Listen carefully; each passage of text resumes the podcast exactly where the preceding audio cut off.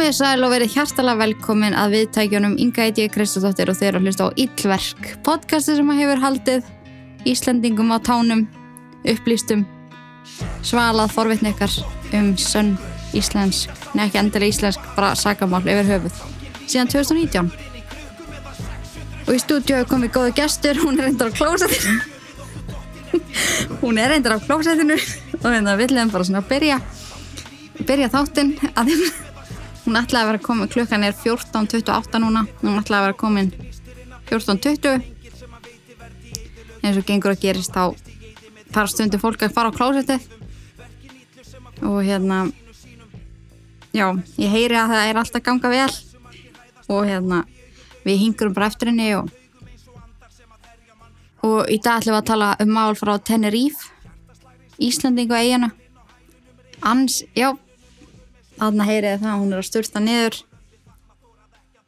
og innan skams mun hún vera komin í stúdjóðu til okkar að ræða þetta mál, svakala mál. En það er smáti gaman sketa í stúdjóðu komin, gamal podcastari sem var helt úti ansið vinsælum þáttum. Hún er reyndar retired að því að hún var bara ofrík af þessu og hún vissi ekki auðra sinna tal Þannig að nú er nú bara að lifa og njóta. Velkomin unnur. Takk hella fyrir. Veru var ég gæltróta og félagi fór í þrótt en ég þakka öllum sem að stuttu mig fyrir stuðningin. Ég held að ég tali fyrir alla þegar ég segja háski podcast ætti að koma við comeback. Já, það er bara spurning. Úst, þá þurfti ég að finna annan nafn á því að skatturinn er að leita að mér og ég áður höfði mér margar á fanglisvist þannig að þáttur þurftir hérna að heita Fáski eða eitthvað svo leiðis. Fúsk. Fúsk. En við, hérna hvað er nú langt, vá, það er ógeðslega langt sem við hefum tekið þátt, þátt saman. E, mér minnir að það hefur bara síðast verið fyrir þáttu minn og þá varst þú að segja öllum að Donald Trump byggi Kanada í kvítahúsinu. Jó, það var smá miskilingur. Þetta var smá misingur, en ok. En hérna, ég fekk, ok, við skulum bara segja alveg satt. Segjum bara alveg satt. Ég var pínu overwhelmed og unnur vinkvarum minn komin í heimsók og ég var eitthvað svona væla, bara eitthvað, ó ég þarf að, þú veist það er svo mikið þáttu sem ég þarf að skrifa og ég er bara ekki alveg ná að komast yfir þetta, þannig að hún tilti sig bara og basically bara skrifaði handrið af þessum þætti á einum degi og Já. bara sökk sér þýlitt djúft í þetta mál. Þannig að okkur fannst, eða henn, eða, veist, já, ég er alveg á þeirri skoða líka, að, að þú ættir eiginlega bara Segja, segja frá. Segja frá því að ég síðan þá hef verið eitthvað, já ég ætla svona að kynna mér þetta líka og eitthvað svona. En maður er upptekinn kona. Já, já, var búið að vera mikið að gera og margt í gangi. Margt í gangi. Um, já, þannig að ég skrifaði hennan þátt. já þannig að unnur algjörlega heiður en að þessum þætti og þetta er ógæslega áhugavert. En í fyrst þá benti sýsti mín mér á þetta að því hún var búsett á Tenerife síðustu, og hefur verið það síðustu þrjú ár Já, með manninu sínum og, og hérna börnunum. Og hérna og þetta átti sér staði fyrra í bænum. Í bænum Santa Cruz. já, Santa Cruz. Og hún, og Drífa sýsti var að segja mig frá því að hún man svo vel eftir í hvað mikið bara chaos þegar var verið að leita sér stað stelpuna sem um ræðir. Já. og bara, og bara í öllum bryggjum, á öllum ströndum bara þyrlur út um allt. Og þú veist, maður man eftir þegar að Byrna týndist, Já, hvað það var mikið svona, það var bara Já. Ísland var lamað. Mm það var bara allir að leita. ég fann það, ég man að ég var að vinna. Kvöldi sem að var tilkynnt á að fundin Mm og það var enginn inn í Smáralind. Það voru bara allir að býða við sjóarpið og þetta var pínu þannig stemming sko, af því að þetta fólk sem umræðir sem átti þessar stelpur er eh, kannski ekki þekkt en Ég svona segja að það veri svona okkar svona kannski, þú veist, Björgul Þór eða eitthvað þannig, þú veist, það er bara eh, fæðast bæði inn í Ríkar fjölskyldur. Já, efna fjölskyldur og bara svona eru svona partífólk og fólk bara veit hver þau eru, veist, Mhm. það er bara svona já, einhvern veginn, þú veist, drífa síst ára að segja þú veist, ég sá þetta fólk ógesla oft Já, þú veist, þau voru alveg bara ekki að venjulegir íbúar hana en allir vissi hver þau voru já, þau voru samt alveg svona noticeable í, þú veist, hann kom alveg fram í fjölmjölum og það, þú veist, það vissi allir hver þessi fjölskylda var. Mm, en þetta átti þessi stað 2021 Yes. og í dag er þetta mál lokað It's closed. já, þannig að ég ekki bara byrja frá byrjun? Jú, förum bara í grunninn. Förum í grunninn en, en til þess að gera það þá þurfum við náttúrulega að sponsora. Já, Já, því að ekki verðum við hér án þeirra. Ég vil bara byrja því að þakka mömmu minni. mömmu minni fyrir stuðningin Herri, mamma mín er svo ekki það til hamingju, um, miklu höfðingi. Miklu höfðingi en ég send, veistu hvað ég sendi á mömmu henni daginn? Henni fannst það ekki fyndið. Hvað sendur þú gauð? ég setti náttúrulega í stóri þegar þú komst inn á okkur en landkrúsir í heimsók Já, ég sendi á mömmu henni og reyka hvernig getur ein kona verið svona mikill kongur en samt svona mikill larfur á sama tíma? Hún sendi bara svona gett reyðan kall. Hún var alltaf gett reyðir þegar ég var á bílnum hennar. Já, meinar ah, það getur um bóli mm -hmm. en við erum hérna í bóðið 6 langtíma legu Að sjálfsögðu. Já, að vísu eftir að taka það rúnt á nýja bílum sem ég var að fá hjá þeim í ger En hann er silky smooth mm Mhm. utan, shining. Þetta er fallið á bíl sko. Þetta er fallið bíl að glampar á hann. Það segir endur allir að ég beri nafni vittlust fram. Runöld. Er er það ekki Runo? jú, Þú sagði líka ekki Ru- Runo, þú sagði Renault já, Renault Þú sagði ég er að fara að fá Renault já, ég fekk sérst Renault Capture Renault Captur Það myndi ég segja Mm, þetta er svona, þetta er svona bíl sko ég er ekki að reyna að selja ykkur hana bíl sko, alls ekki, ég er bara að segja að sex þess að taka inn ótrúlega mikið af svona bílum mm -hmm. sem að hvað, það er alveg, Fara á ljósra já þú veist þeir eru, þeir eru ódýrir en Já. þú færð ógeðslega mikið luxus og þeir eru að færa sig ótrúlega mikið yfir í rámagn sem er gott fyrir gott. okkur, gott fyrir umhverfi, gott fyrir veskið mm þú veist, ég er ekki að fara, að fara að kaupa ykkur raun og ég er bara að segja að ef ykkur langar að leia bíl og, og hérna hafi gert útreikningin og kannski hlusta á ykkur auðlýsingar sem að ég verið að deila með ykkur alls konar fróðleg þá hérna, þá er mikið af svona bílum í bóði svona eðalvögnum. Já, og við hefum alveg lendið í því að ég hef alveg, þú veist, öfunda yngu þegar ég á bíl og ég, þú veist, mér þykir ekki gaman að gera svona hluti svo fyrir dekja skipti, skipti rúðu þurrkur, þannig að ég að múta yngu einhvern veginn til að koma með mér. Það er mjög gaman síðast. Já, en hún þarf aldrei að gera þetta sjálf af því að þú veist, innifalli í þessari leigu er bara að það séðum bílinn fyrir þig frá A til Ö. Mm þú veist, það eina sem að þú ætti að gera er að borga á mánu. Og bara, svo bara þarfst að fara í þjónustu skoðun þá bara ferði með bílinn þangað að að þú veist, það er bara séð um þig og allt inn í og þegar þú reiknar saman dæmi þá er þetta svo mikið nóbrenner þess vegna er ég svo ógeðslega ánað að vera með sext í liði, líka því hef verið að vinna með eða, þú veist, ég var bara í viðskiptum með þau áður, skilur Mhm. þannig að við erum í búið þeirra svo erum við klálega í búið illverk áskriftarlegarinnar við erum alltaf í bóði ítlert áskriftarlegarinnar ég var að skoða hérna, ég þurfti um daginn mm. það þurfti ég bara í alveg að fara yfir ég bara, þú veist, ég var hægt að muna hvað þætti ég hef tekið. Það komið svo ógislega mikið að inn á. Mm -hmm. ég held að sé 150 þættir. Aðeins minnaði meira. Já, 950 kallar manni. There ain't no price. og það góða við þetta er að þetta fyrir beint í vasan á mér. Það góða við þetta er í raun og raun, einhver getur tekið peningin sem þið gefið hann á mánuði mm -hmm. og eitt því í til dæmis porskapenna, um, KFC, Nokko og milkasúkulæði. og þið gerir mig kleift að vinna við þetta Já, í raun og en veru. ég meina þetta er bara svona varningur sem þú þarft fyrir þetta til dags Já, já, þetta er náttúrulega bara nöðsina vörur, mm skilur þannig páskapennar, það er bara æfa mig í höndunum til þess að getur svo ég getur verið hljótar að skrifa handrit Já, þú- sko ég er samt, ok, mér langar að koma inn að hérna mm. fyrir þá sem að, þú veist, það er náttúrulega margir sem viti ekki hvernig podcast virkar, hvernig vinnan bak við það er. En mér langar að koma inn að hérna að einu sem komið hérna, gekk inn í þessa íbúð sem að enga á Mm. og hún situr við borðið með stílabók og blíjant og ég spyr hvað er það að gera? Hún segir, ég er að skrifa handrit Mm -hmm.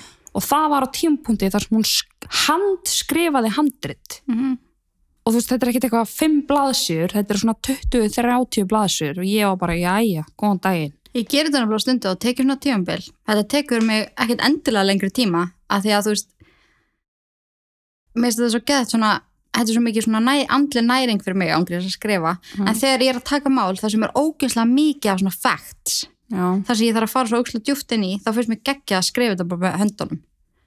Það er kannski weird. Skrifið þetta með höndunum? Já, og svo skrifa ég þetta líka upp í tölvunni. Ok, það er rosalega mikið vinna. Mm ég er mjög mikið þekkt fyrir tvíverknað. Já, það er þetta rétt og þetta Tommy tvíverknaður. Já, en allavega já, það er engin sem leggur meiri vinnu í áskrifta þættina sína og bara alla þættina sína heldur en Ingi Björg Katrín Torradóttir. takkari, takkari, takkari en hérna, já, það er that's it, ef að byrja Já, uh, við ætlum að byrja því bara að kynnast manninum sem um ræðir. Um, Tómas, já, manninum sem framdi þetta illverk sem við ætlum að tala um, sem við ætlum að kalla Tenerife Tragedy. Já, það ekki. Var það ekki, voru ekki Jú. að samla það? mér varst það alveg svolítið Ok. En hann Tómas Antonio Gimeno Casanas, mm þetta er alveg fjögunöfn, já, en við ætlum bara að kalla hann Tómas.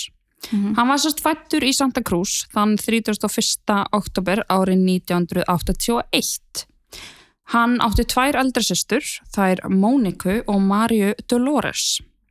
Tómas fættist inn í eina auðustu fjölskyldu. Tenerife. hvað heitir hann aftur? Tómas, Tómas Antonio Gimeno Casanas, en hann er alltaf kallað bara Tómas Gimeno. og ég ætla, ég ætla að gera eitt og halda bara aðeins áfram Tómas fættist inn í eina efnuðustu fjölskyldu Tenerife en fadir hans átti nokkrar stórar jarðir þar sem ræktaðir eru bananar og kaktusar. Já, þú varst alveg, þú varst að tekka á því af hverju fólk rækta kaktus Já, mér varst áslega skrítið en ég ákvað að þú veist fara ekki of djúft og neða sem ég hefði samt gert en hérna það er bara út af því að kaktusar eru í raun og veru mjög góðir fyrir mann. kom með einari Og sko, ég vissi ekki, þú veist, innbyrðir kaktusar sko. Jú, þú getur borðað kaktusa, þurrkað kaktusa og eitthvað svona og það eru gett mikið næringur en þeir eru aðalega gefnir, þú veist, búfinnaði sko. Þannig að þú kannski ert með kaktusa og svo er þetta eitthvað þurrkað og mulið niður í eitthvað drastlu. já, fyrir dýr Já, en það er líka vist einhver, einhver hérna benefits að borða þetta úr maður. hlustaði, eða hlustið þið er ekki Tomás Jimeno. Já, Domas Gimeno. Jimeno Já, Ok, við erum að tala um hann. já, Þetta fjölskyldu fyrirtæki gekk mjög vel og hafi gengið á milli kynnslóða lengi.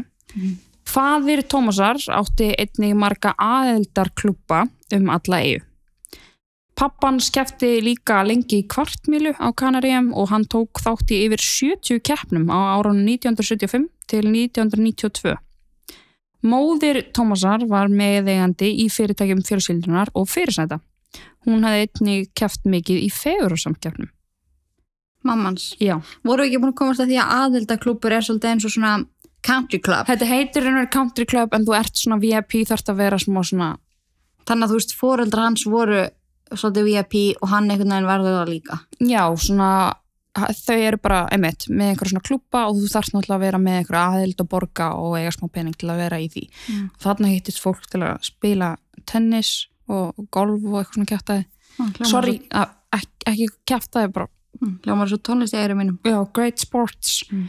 en Monika, Maria Dolores og Tómas ólust náttúrulega upp í ákveðnum forréttindum. Mm -hmm. og þau hafði öll tækifæri til að gera það sem þau vildu og aðgang að bara hvað námi sem var. Þú veist, þau þurftu náttúrulega ekki að borga fyrir neitt og mamma og pappi voru bara, já bara endilega skilur Sistur Tómas nýttu sér þetta mjög vel og Mónika er í dag til dæmis mjög vinsall lögfræðingur og hefur reikið sína eigin lögfræðstofu síðan 2014 Mm. Marja Dolores vinnur hjá mjög virtu fjármálafyrirtæki Tómas hann fetaði hins vegar ekki í fótspór systra sinna og skapaði sinn eigin feril hann já, fór heldur ekki að þeirra dæmi og lifiði ábyrgu lífi eins Er hann yngstur? Það. Já, Já, hann er yngstur hann er the baby Eini strákurinn og yngstur Já, hann var sko bara í raun og veru svona, þú veist, þessi stereotýpa af svona ríkum krökkum, þú veist, eins og maður sá í bíómyndum, skilur, Mhm. bara sem að gátu bara gert allt sem þeim vildu og árið 2021 Mm. sem að þegar þetta gerist, þar sem við erum að fara að ræðum, mm -hmm. þá var Tómas 37 ára gamall og hann hefði aldrei unni dag í lífu sinu, ekki einn dag Hún er smá bara svo Gossip Girl vibes eitthvað Já, þú veist, hann bara hafði ekki gert neitt, skilur 37 ára Já. Á meðan systur hans höfðu eitt tímanum í að læra þá eitti Tómas dögunum í að siglum á seglskútunum sinni, mm. fór á jetski, læra að kafa og fór í ófá partí með öðrum úlingum sem áttu efna fóldra. Þetta voru raun og veru bara svona rich kids partí, þú varst ekki eitthvað Rich Kids of Tenerife já, þú veist, okkur hefði ekki verið bóðið, skilur þetta voru bara krakkar sem áttu ríka fóreldra og það var einmitt í svoleiðis partíi þar sem að Tómas kynntist henni 15 ára gamlu grænigðu og ljósherðu Beatrice Zimmermann de Sarate. Beatrice var fætt árið 1985 og eins og Tómas fættist hún inn í efnaða fjölskyldu. Mm -hmm. Hún er samt sem sagt frá Þískalandi, þess vegna heitir hún ah, hún er þýsk. Hún er þýsk. en hann er bara born and raised in, Já, sko ég held að hún sé, að- þú veist, hafi verið búin að búa hana mjög lengi en, en pappinar er þjóðveri eða eitthvað svo mér finnst bara svo styrla að það sé actually fólk sem að hefur fæðst og alist upp á Tenerife. Mér finnst bara þess að það sé svona mikið ferðamannastæð Já, ég veit að maður hugsaður aldrei út í að það er bara fullt af fólk sem býr að það, En næstu árin þá bara eru þau mjög góði vinir í fyrstu og þau Mm. ræktu bara þennan vinskap með því að fara á dýrustu veitingastæði Tenerife fjöldamargar utanlandsferðir og þau heldu saman alls konar partí bara í bara dýrustu villum og höllum bara, þú veist, þetta var bara sturlað. Voru þau að halda á saman partí? Já, þau voru að halda þess saman partí og bara allir saman og ógæslega gaman. Mm maður og þau reyndar, þú veist, áttu líka áhugamál, það var sérst golf og tennis og voru mjög mikið í því. Mm. en árið 2003 þá var Tómas 20 ára og Beatrice 18 ára þá svona byrjar eitthvað svona romantist Mhm. og þau sem sagt byrja að stinga saman nefjum og byrja svo endanum saman Mm. Beatrice var svona svipuð systrum Tómasar, hún sem sagt vissi mig vel veist, um forréttindi sín og bara hvað hún gæti nýtt tækifæri sín vel Mm og hún ákalgjörlega að gera það sko. Hún vildi bara vera fjárhagslega sjálfstæð og byggja upp sinni eigin feril. Og í dag er hún til dæmis forstjóri hérna, svona morgunkorts fyrirtækis á Tenerife og situr í stjórn hjá einhverjum tveimur öðrum stórum fyrirtækjum. já, einmitt hún er alveg svona elite gæla Já, sko. hún, bara, hún lagði bara að sér skilur og vildi bara einmitt læra Mhm. og bara skapa sitt eigi líf og ekki bara, þú veist, halda áfram að vera rich kid. mm en Tómas not so much Nei. Beatrice reyndi mér mikið að hvetja Tómas til að vinna bara, hún var bara, þú veist verðt þú að vinna í þinni framtíð, þú veist eignastu feril, bara gerðu eitthvað fyrir þig. Og hann var bara, nei takk, Mm þú veist hann hlustaði aldrei. Hann notaði freka peninga fjölskyldusinnar til að lifa frjáls og bara svona í raun og veru laus allrar ábyrðar, myndi ég að Mhm. segja. Enga hvaðir, þú veist þessi gaur, þú veist það voru ekki mörg, skilur, hann Nei. gaf bara gert hvað sem er hvernig sem var. Hann sem sagt já, hans eigin fjölskylda reyndi líka mjög mikið að sannfæra hann um að fara að minnsta hvort til háskóla. Voru bara mátt fara í hvað háskóla sem er og við Mhm. skulum borga það, bara no problem. Og hann sagði bara nei takk. Mm ég er ekki til, ég bara nefndi ekki að leggja eftirtið í neitt. Nei, hann ætlaði bara ekki að gefa sig með þetta, hann var bara, hef engan á ég er hósi. svo forveitin að vita hvaða var nákvæmlega við hann sem að heitlaði hana. Tómas er mjög myndalög, hann er alltaf hók, hann er hókmyndalög, sko, og þú veist, hún líka reyndar ég- hún líka hókmyndaleg, sko, Mhm. og þú veist, þau eru bæði bara mjög myndalegt fólk og hann er alveg, þú veist, ég held hann að sé alveg, þú svona, einmitt, góður í kjaftinum líka, veist, hann er röglega bara mjög sjarmirandi og svona típa sem ma maður gæti dreigist að. já, En það sem er áhugavert er, þú veist, það svona, fjölskyldur hann segir svo setna, þú veist, að hann hafi bara verið bara svona degraður svona mömmudrengur, skilur. já, þú veist, maður hefur alveg þú veist, yngsta batn og eini strákurinn það bara gerir stundum að það er bara annað trítment þú Já, og hann bara einhvern veginn, þú veist, kemst náttúrulega bara upp með veist, það. þessu eina bróðu minn. Er við erum náttúrulega bara, fjórar sýsturnar, hann er yngstur hann er bara svona prins. Nei, hann hann er bara borin um allt í svona lítilli, hann hefur aldrei út að vinna neitt. Mamma, nei, ég er að djóka. Ein, ef það hlusta, það er bara vonum við að þeir gangi vel að sitja í gullstólniðinum. já, mér er sko ángríns. Alltaf ég set eitthvað um eina bróður í story. Já, það er margir stelpur sem senda. Já.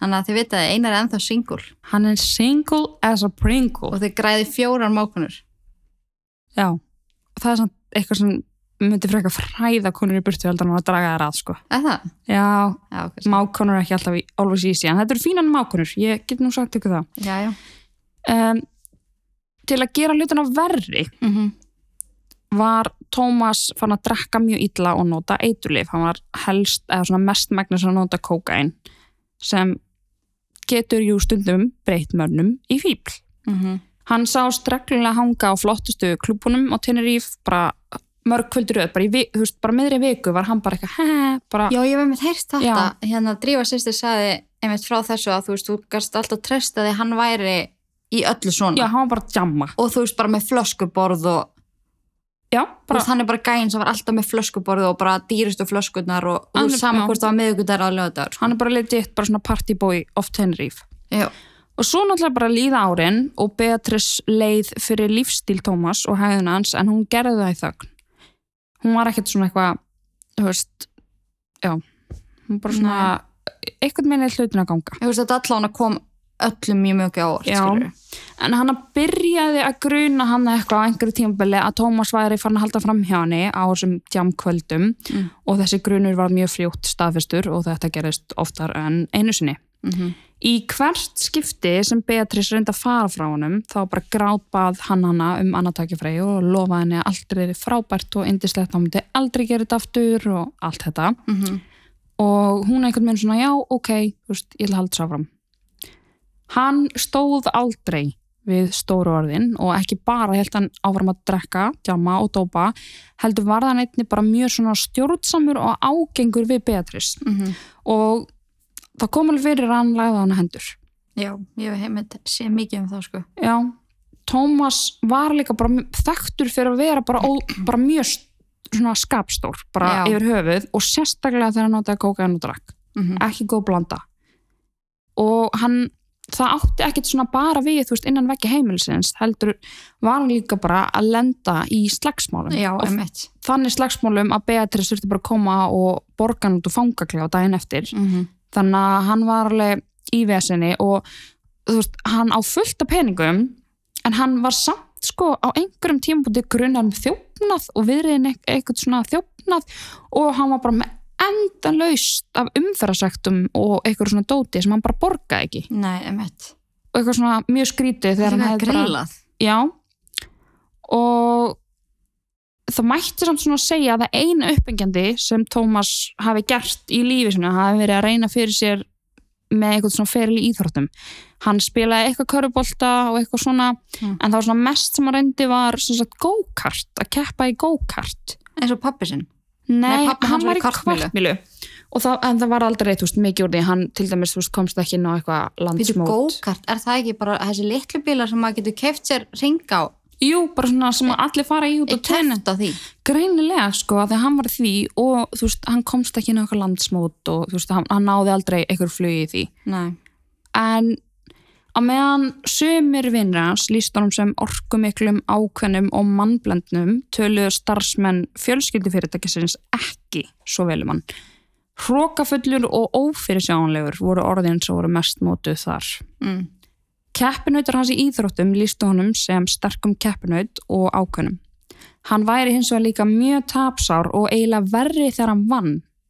Hann nautast að niðurlega andstæðingar sinna. Þú veist, hann er bara svo sexur af krakki sem er bara na na na bú bú, Já, ég vann, ég, þú veist, og hann, he loved it Mhm. að horfa bara í augun á þú veist, gæjanum sem voru nýbúin að tapa og vera bara, Mhm, ég er maðurinn þú veist, þannig að hann var í raun og verið bara verri sko, þú veist, sigurveri heldur en tapari Ógæðslega leðilega típa sko og í eitt skipti til dæmis þá var hann að spila tennis bara við eitthvað vinsinn, skilur bara svo við varum að spila tennis og Mhm. Ég myndi tapa og hann bara tekur spaðan og gjörsamlega smallar honum í jörðina og bara, bara berja honum í jörðina sem er bara fyrir ekki skrítin hefðum þegar maður bara spila tennis við, já. Og hans svona sanna sjálf skein smá svona oft í gegn. Þú veist það var til dæmis viðtal sem var tekið við hann uh, eitthvað í sambandi við þetta go-kart Já, já, það var eitthvað kom hann eitthvað fram í fjölmjölum út af því. Og hann svona orðin sem hann notuði um, notaði sjálf sig var að hann var natural born winner með attitude. Nei, sko, ég vekk að í öðru viðtali sem Mm. var tekið við hann þá talaði hann mjög niðurandi um konur þegar hann var spurður um hver skoðun hans og skyndikennum væri. Mm. svarið hans var það bara eftir í hversu heit gellan er og bætti svo við ég þyrfti líka að ganga úr skugga um hún var ekki dópisti. Ég vil konuna mína hreinar. Gaur, ert þú ekki dópisti það? Já, akkurat sko. Þannig að já, Vá. þetta var svona Bara ógæðslega mikill narcissist. Já, ég myndi segja að hann væri það og meira til en þú veist, hann var bara þessi gaur einmitt, hann leit niður á aðra og En svo, svo hefur hún Svo hefur hann átt einhverja svona hlið sem að hún var ógæðslega heilluð af já, svona mjúka hlið Já, bara skilurðu. eitthvað hann heima eitthvað svona, þú veist Þetta er svo steikt að heyra þetta og já, þrátt fyrir alla hans skalla þá var Beatrice alltaf við hliðans. Já. Það átti líka við þegar að Tómas var næri döðan lífi eftir óstórum skamt árið 2014. Hann var laðurinn á sjúkrahús en hann náði fullum bata. Það var svo þann 14. mars árið 2015 sem parið eignaði sitt fyrsta barn. Litla stúlku sem fekk nafnið Olivia. Býtu fættist hún 2014? Já. Og hann var næstu óvidóst. Nei, hún sérst 2015 en hann óvidósaði hann af 2014. Ég er að spá, allir að þau hafi verið bara, ok, við þurfum að bara change our ways. Já, bara lock it down, bara eignast fjölskyldu, vera bara, þú veist, já. Já, eitthvað þannig. Ég meina, hún hefur náttúrulega alltaf verið að reyna að fá hann til þess að breyta um lífstíl og hann hefur náttúrulega alltaf lofað bara, já, ég er að fara að gera það Mm. Og kannski bara, já, kannski breytist hann ef hann eignast sitt eigi afkvæmi. Já, og þau leiðu bara svona ógislega kósi hús með alveg risa landi og það er svona nálagt smábænum í Kveste, ég veit ekki hvort ég er að segja þetta rétt, Mm. en það er um 15 minna akstur frá höfuborginni Santa Cruz. Mm. Þau búa svo bara þar og Tómas er alveg ennþá part í pinni en hann sinnir nú batninu líka sem var ágætt. Já, ég menna, þú veist, maður hefur séð mikið um að hann hefur verið bara geggjaði pappi. Já. Með, með kýtlar í húðina, með hlakkar til að koma inn að samlíkingu, sko, Mm. um þetta annar mál, en ok.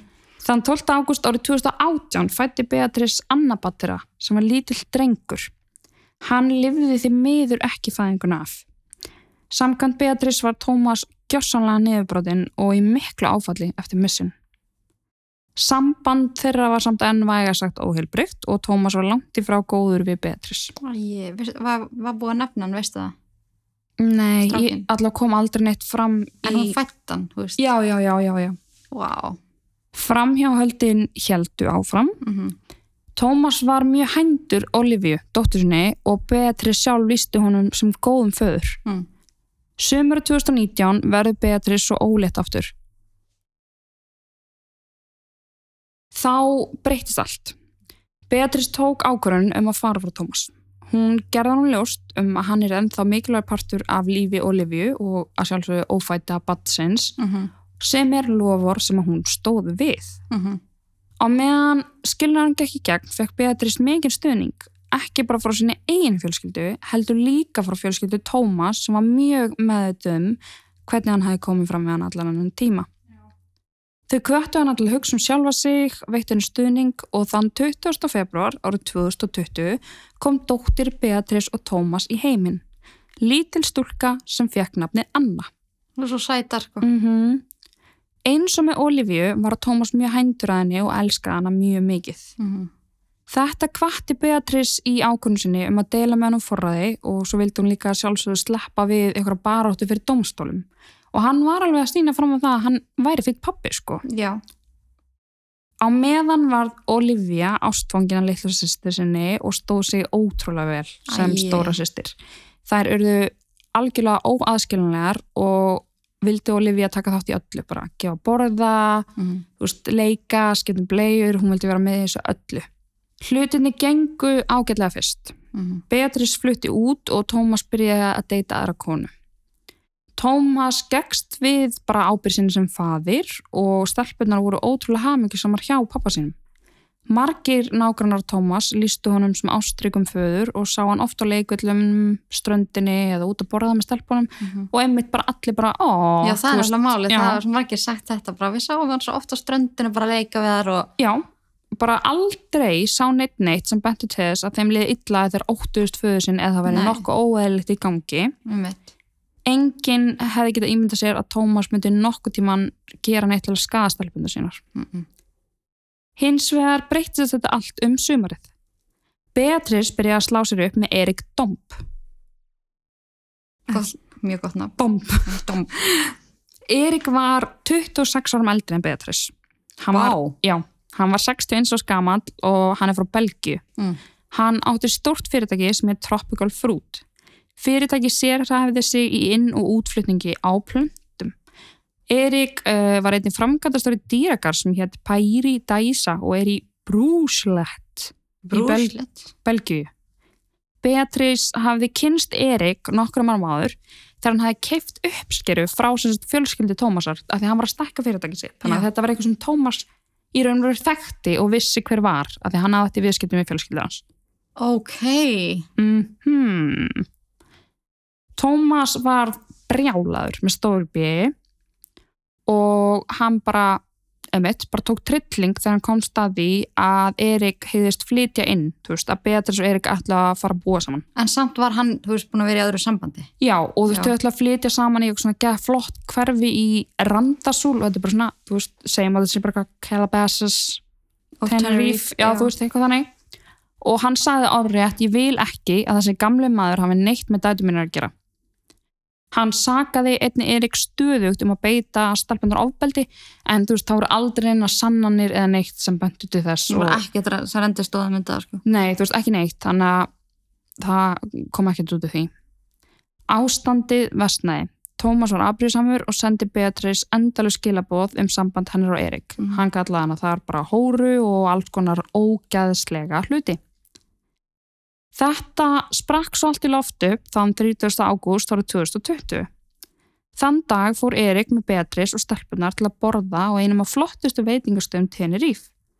Á einhverjum tímabundi á leið þar á veitingastæðin tók Beatrice eftir að bíl Tómas var á eftir. Mm Erik lagði fyrir utan veitingastæðin og reyndi að drífa stelpunar og Beatrice inn. En Tómas hafði einnig lagt þar og stökk út úr bílinu með golfkilfu.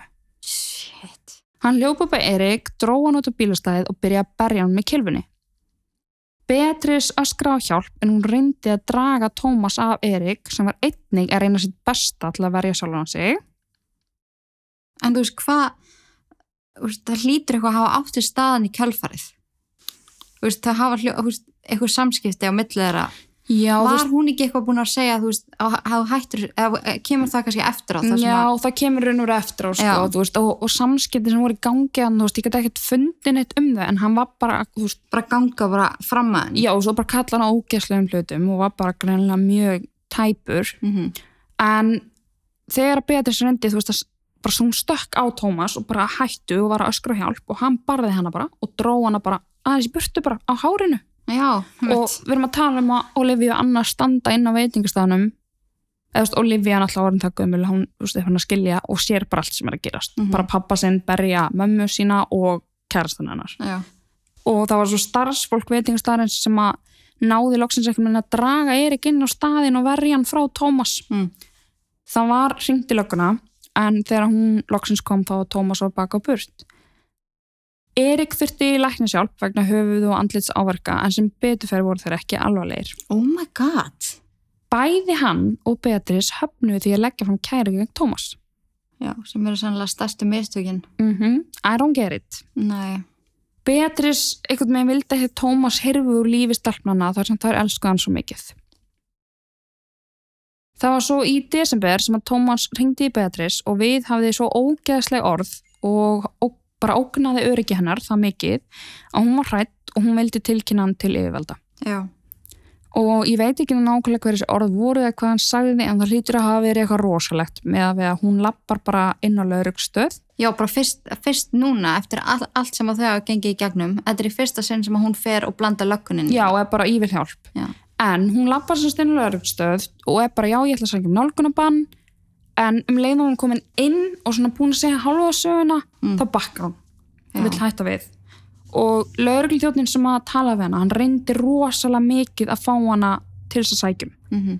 að því að Tómas hafi áður sínt ábyrðstilburði það var með sögu skiluru og þú veist nálgunabannið hefði þannig sé átt að vera auðfengið Já, einmitt. Beatrice neitaði en var samt samþykk því að lauruglan myndi ringi hana einu sinni viku til að aðtöfa með hana Sem er alveg big deal, þú veist.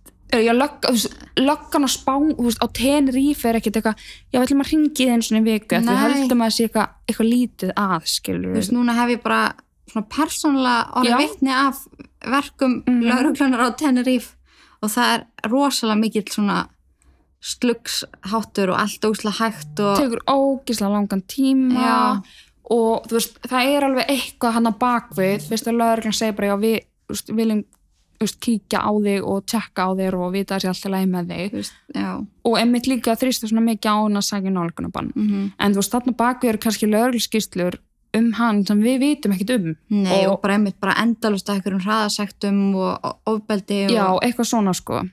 Þannig að ég mér fannst þetta með svona, svona, svona svolítið áhugavert að því að ég veit ekki hversu oft úr, þú hefur verið að fara um mál þar sem mitt hefur verið sótt um nálgunabann mm. og verið full, full ástaf fyrir því að það hefur verið bara neip Já, og bara gengur úslega hægt og bara mý, þú veist. já, þú veist, eitthvað svona neini og svo er eitthvað drefin Já, bara sjáðu bara til, þú veist. Tómas let hins vegar Beatrice vera yfir vetramánuðina á meðan hún hjælt lífið sinni áfram með Erik og stelpunum. Mm -hmm.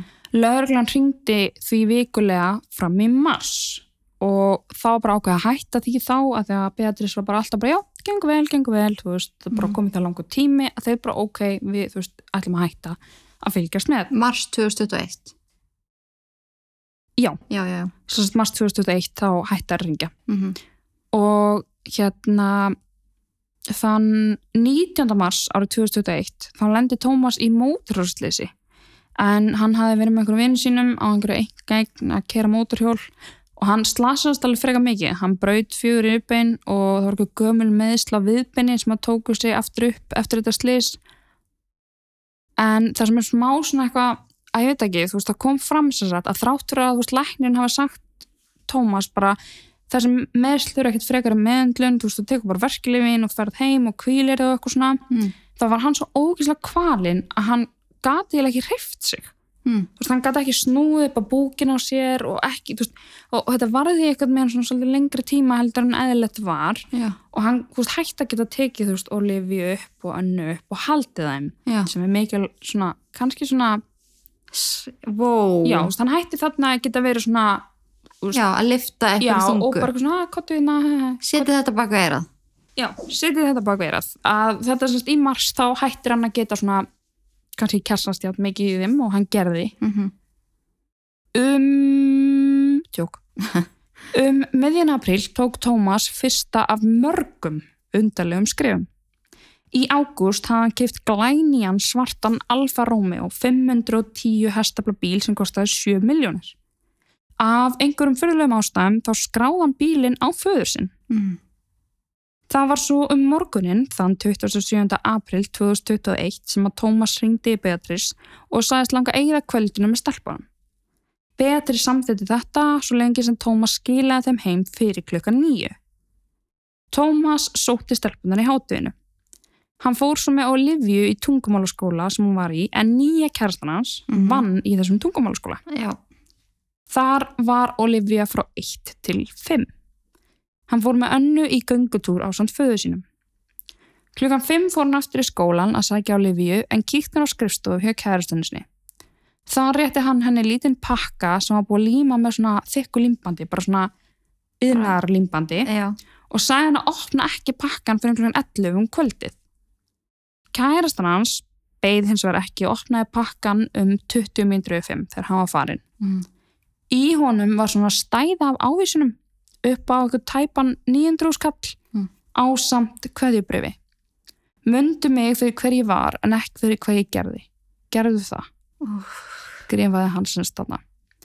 Og sko, mér langar svo að vita og ég gæti ekki fundið upplýsingar um það Nei. en það er ekki eins og hún ringi í Beatrice eða ringi í foreldrans eða ringi í einhvern og er Nei. eitthvað svona hæ, herri, ég var róslega skrítin pakka fullt af pening og þa þessi skilabóð Það er mjög skrítið. Já, sko. er það ekki? Þú Veist, Jú.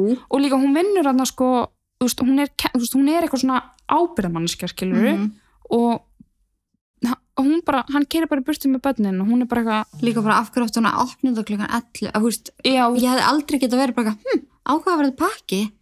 nei, veist, og hún opnar þetta og sér þetta og bara eitthvað myndi mig fyrir hver ég var en ekki hvað ég gerði ding, ding, ding Já, og bara fullt af peningum. Bara ringjum í, þú veist mammans eða pappans eða einhvern En svo er einmitt spurning að því hann var þarna í einhverja mánuði búin að vera að sína fram á mjög skrítna hægðun og búin að segja skrítna hluti. já, Kannski var hún bara svona, æ, typical. það Ég veit ekki, þetta er alveg sko mjög skrítið að hún hefði verið bara, hm, og ég ætla að klára vinnudaginn. Og veist, það er ekkert um að hún hafi gert Nei. neitt með hann að pakka, sko. klukkan hálf sex þá kerði svo Tómas Olivíu tennistíma. Hann kerði heim til fóruldra sinna og skildi önnu eftir þar. Klukkan 17.50 sína auðvíkismyndavillar við bryggjuna í Santa Cruz. Tómas kom að þanga en þar gemd hann mótorbátur sinn. Hann sést bara svona snögglega að skoða vilina í bátnum og keiri svo í burtu rétt fyrir klukkan 6. Þetta var bara örfómyndur. Klukkan hálf sjö sækir Tómas og Olivia úr tennistímanum og keiri með hana heim til fórölda sinna þar sem þau eru til eitthvað svona um hálf átta. Já. Tómas kvatti föður sinn með mjög innilega löngu faðmlægi sem bæði mammu og pappans fannst ógslskriði. Já, sem sátu bara snýðan. Af því þetta var ekki eitthvað svona venjuleg samskipti á milli þeirra. Nei. Hann gerir svo bara burt með stelpunar í aftursætinu og meðan þar veifa ömmu sinn og afa bless. Þau voru þau síðustu til að sjá stelpunar á lífi. Oh my god, ég fæ ekki. Klukkan nýju fer Beatrice heim til Tómasar þar sem hún ringir í hann og segist vilja fá stelpunar. Mm. Hann svarar og segist ekki vera heima. Hann hafi farið með stelpunar út að borða og hann kom með þeirra eftir. Já. Hann hefði sendt henni talskilabóð fyrir um kvöldið af Olivia að tala. Þar sem hún er, hún er eitthvað að minna mömmu sinna á eitthvað erindi. Hún er eitthvað, mannstið, þú ert eftir að fara að þanga, eitthvað bara svona sem bara myndi segja eitthvað, þú ert eftir að fara að kaupa ís, eitthvað svona. Já. En bara af röddinn hennar. Mm. Sendur hann einhver talskilabóð. Af, Klukkan. Hérna, hann hefði bara gert það fyrir um einhver staðar þarna þar sem hann var hjá fóröldur sinni með eitthvað. Klukkan 9.51 þá ringir Beatrice augljóslega mjög áhyggjufull bara heima á sér að býða til börnunum sínum aftur í Tómas. Já, bara halló það þurfa að fara að sofa og eitthvað, sko. Já, Tómas svarar mjög reyður og segist að hafa farið af eiginu með stelpunar á hann að skellir á. Beatrice ringir strax tilbaka. Þá svarar Tómas og segir, þú sér hvorki mig neð stelpunda framar. Hann sagði henni að hann ætlaði að byrja nýtt líf annar staðar og að hugsa þér þið vel um stelpunar. Beatrice var að sjálfsögðu viti sinu fjær og bruna bara á næstu lögreglstöð til að tilkynna að hann hafi rænt stelpunum. Mm Á meðan verið var að taka skýrslaðinni sagði lauruglutjónar Beatrice að ringja aftur í Tómas. Hann svaraði ekki fyrir hann búið að reyna nokkru sunnum en svara svo klukkan 10.40 og segir Beatrice aftur að hún mun ekki sjá stelpunar nýja hann. Hmm. Hann sagði henni líka að hann gæti ekki leitt stelpunum að alast upp án sín. Lörglítjótt byggði þá Beatrice um að rétta sér síman og hann einhvern veginn reynir að tala við Tómas en Tómas bara skellir á. Þú veist, hann Mhm. vildi ekki tala við lörgluna. Næ. Klukkan 10.44 slekkur Tómas annarkort á símanu sínum eða verið batterislaus. Já. Þeir vitaði ekki. Hann svaraði svo loks símtölum Beatrice aftur klukkan hálf tvö um nóttina. Hún var sérst komin með leiðbynningar frá sálfræðingi, einhverjum svona glæpa sálfræðingi um hvernig hún ætti að tala. Tala Og- við hann. Já, við hann og hún byður Tómas um að hugsa um hversu mikið stelpuna myndi sakna, veist, hennar, möm, veist, bara, hún bara, ég er mamma þeirra, hugsaði hvað það myndi sakna mín mikið Mm og líka bara ömmu svona afa og svona að reyna að tengja hann við fóreldra sína, alls konar svona eitthvað að vera að reyna til að fá hann til að vera eitthvað, ó, ok, ég ætla ekki að gera þetta. Já, einmitt. Tómas segir bara, já, ég veit það vel og með tímanum þá komast það yfir það. Báði þessu kvöldi hjá henni. Mm Hún setur bara hann í veist, hún tala við hann, hann slekkur á símanum sinni kortur hellufu og þau ná aftur í hann hálf tvö, þú veist, ímyndar tímanum hann á milli, Og ég barasta. mm, mm, mm.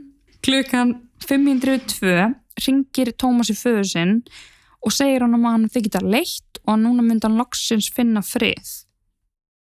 Klukkan 11.02 töluðu Beatrice og Tóman saman í síðasta sinn. Í því símtali kvatti Tómas Beatrice, bara þú sagði bara nú kveð ég þig og eitthvað svona. Já. En það var veist, ekki þannig eitthvað svona ég er að fara að drepa mig, skilur. Nei, nei, nei. Hann ringdi svo í mjög marga ættingja og vini sína til að kveðja og gefa frá sér eigur sínar. Það er svo skrítið. Já, þessi símtöl enduðu klukkan hálf þrjú um nóttina og slagtur á símanum. Ég ætla að spyrja þið út í þetta, því ég veit ekki hvað þetta er, uh, en sem sagt, The Civil Guard er sem sagt, þeir sem taka sér málið, sem er ekki greinlega lauruglan, en er eitthvað eitthvað annað svona yfirvald. Sko, ég, fyrsta sem ég dætti höfði landhelgilskeslan. Já, sko, ég veit það, en ég, þú veist, ég átt, já, ég átta mig samt ekki á því hvort það sé rétt, sko. Það eru civil guard. Já, Sko, þau taka máli af sér. Af því, það- mér finnst þess að sé eitthvað sjótengt. Ok, þú veist, það er bátið eitthvað sem veit þetta. Þið veitir allan að þá hvað við erum að tala um. Þeir sem taka sér málið og þeir byrja bara að skoða sterkasta möguleikan sem að þeim finnst á þessum tíma vera að Tómas hafi flúið á bát. Já, Á sama tíma voru allar eftirlitsmyndavelar á þeim stöðum sem Tómas hafi verið á skoðar og möguleg vitni yfirherð. Lýstar áttir stelpunum og honum sjálfum. mm. Takk sé öryggismyndavælum og GPS-gögnum úr síma Tómasar komist rannsóknum að því að eftir að Tómas yfirgaf hús fóröldrasna kerði hann um 14 km að heimilisinu í Questay á enn 6 mínúndum. Mm. Hann hefur semst verið að keira á 140 til 160 km hraða. Mm. Þannig hann með stelpunar í Þú veist, hæ? Mm -hmm. Nágræni Tómasar í í Questay segist hafa heyrti og Livju kalla á pappa sinn klukkan 8 um kvöldið. Áti bíl Tómasar sást einni keira aftur til fóreldra sinna um klukkan 9. Tómas ringdi ekki bjöllunni eða leitt fóreldra sinna vita af sér Hm. en setna um kvöldið fann fadir Tómasar hundinans sem hétt Otto vafrandum í garðinum. Oh my god. Tómas hafi skilað hann eftir þar ásamt tveimur debitkortum með svona post-it með á þar sem Ja. hann búin að skrifa pinnin og liklunum af nýja Alfa Romeo bílnum sínum. Sem hann fer svo að leggur hann á fyrirtækinu pa- hjá pappa sinn. Mm -hmm. Oh my god. Jep. Sá bíli mitt fann síðar lagður við hliðina byggingu sem að pappas átti í Guasa sem er 71 km frá Santa Cruz. Þannig Þannig by the way. Seville Gord, það er hérna Interpol herrlauruglan. að Leynulaurugla, hérna svona hála ágæsla. Þú veist, þetta hefur verið bara farið með þetta í Interpol. bara, bara með þetta strax í, urgent. Sorry, ekki, þetta er eitthvað, ekki sjótengt. en sem sagt bílinn finnst þannig og hann er 71 km frá höfuborginni. Þa, þannig að þú veist, hann hefur alveg þurft að taka sér sinn tíma í að komast þangað með bílinn Já. sem er líka eitthvað sem þetta maður En bara þessi bíl sést hann í myndalinn þetta Nei, þetta er kvöld. þessi bílinn sem hann þessi, rík, hana, ríki bíl ég var að segja, þessi ríki bíl þessi dýri bílana, þessi 7 miljón grunna bíl. Alfa Romeo, Já. hann leggur honum einhver staðar hjá einhverju byggingu sem pappa sá Já. og skilur likluna á honum eftir í garðinum Já. en hann er á Audi bíl Já, hann bíl. hann á annan bíl sko myndavelar sína að Tómas lagði bílnum bara hjá þessari byggingu þannig sem pappa sá Mm -hmm. bara í hádeginu sama dag, eða svo 27. april 19 klökkusundum áður en stelpunar sáu síðast Áður á. já, deginum áður Já. klukkan hálf tíu náðu svo öryggismyndavelar aftur mynda honum að koma át í bílum sínum þar sést hann taka dót og hluti úr bílnum og setja það í bátinn þetta gerði hann í þremur ferðum Mhm. Í fyrstu ferðinni sést hann setja tvær stóra rektartöskur um börð í bátinn. Um börð. En börði bötin. Klukkan 20 myndir í tíu sjá myndavelunar svo Tómas keira bílunum sinum út af bryggjunni og ít honum út af og ofan í sjóin. Nei, vá, Já. ég hafa búin ekki búin að heyra þetta. Mm Klukkan 21 mínútu, Sérst það? já, Ok. klukkan 21 mínútu yfir 11 sér strandgæslan bát Tómasar út á sjó. Þar var hann á leið tilbaka sérst í áttina Santa Cruz, aftur í höfn, eftir að hafa verið búin að- að vera út á sjó. Strandgæslan ætlaði upphálega saktan fyrir að brjóta útviðstabann af því að eins og við öllu vitum það var bara COVID þarna Mhm. út um allt og það var mjög stramt útgöngubann á tenni og fólk mátti ekki vera út eftir 11 en þeir eitthvað svona æ, uh, við sleppum bara með viðvörun eitthvað svona og hann bara thank you og fer einmitt. og myndavelur á bryggjunni sjá hann svo koma bara aftur í höfn bara mjög stutti eftir að hann hittir hann á strandgæsluna Já. Klukkan kortur í tólf lappar Tómas svo inn á bensinstöðin á grunnu hann kaupir símarlesultæki pakka síkartum og vatn. Skömmu eftir það lappar hann upp á öryggisverða bryggjunni og spyr hvort hann megi setja síman sinn í hlæðslu á skrifstöðunars öryggisverðin bara já, ekkert mál eitthvað.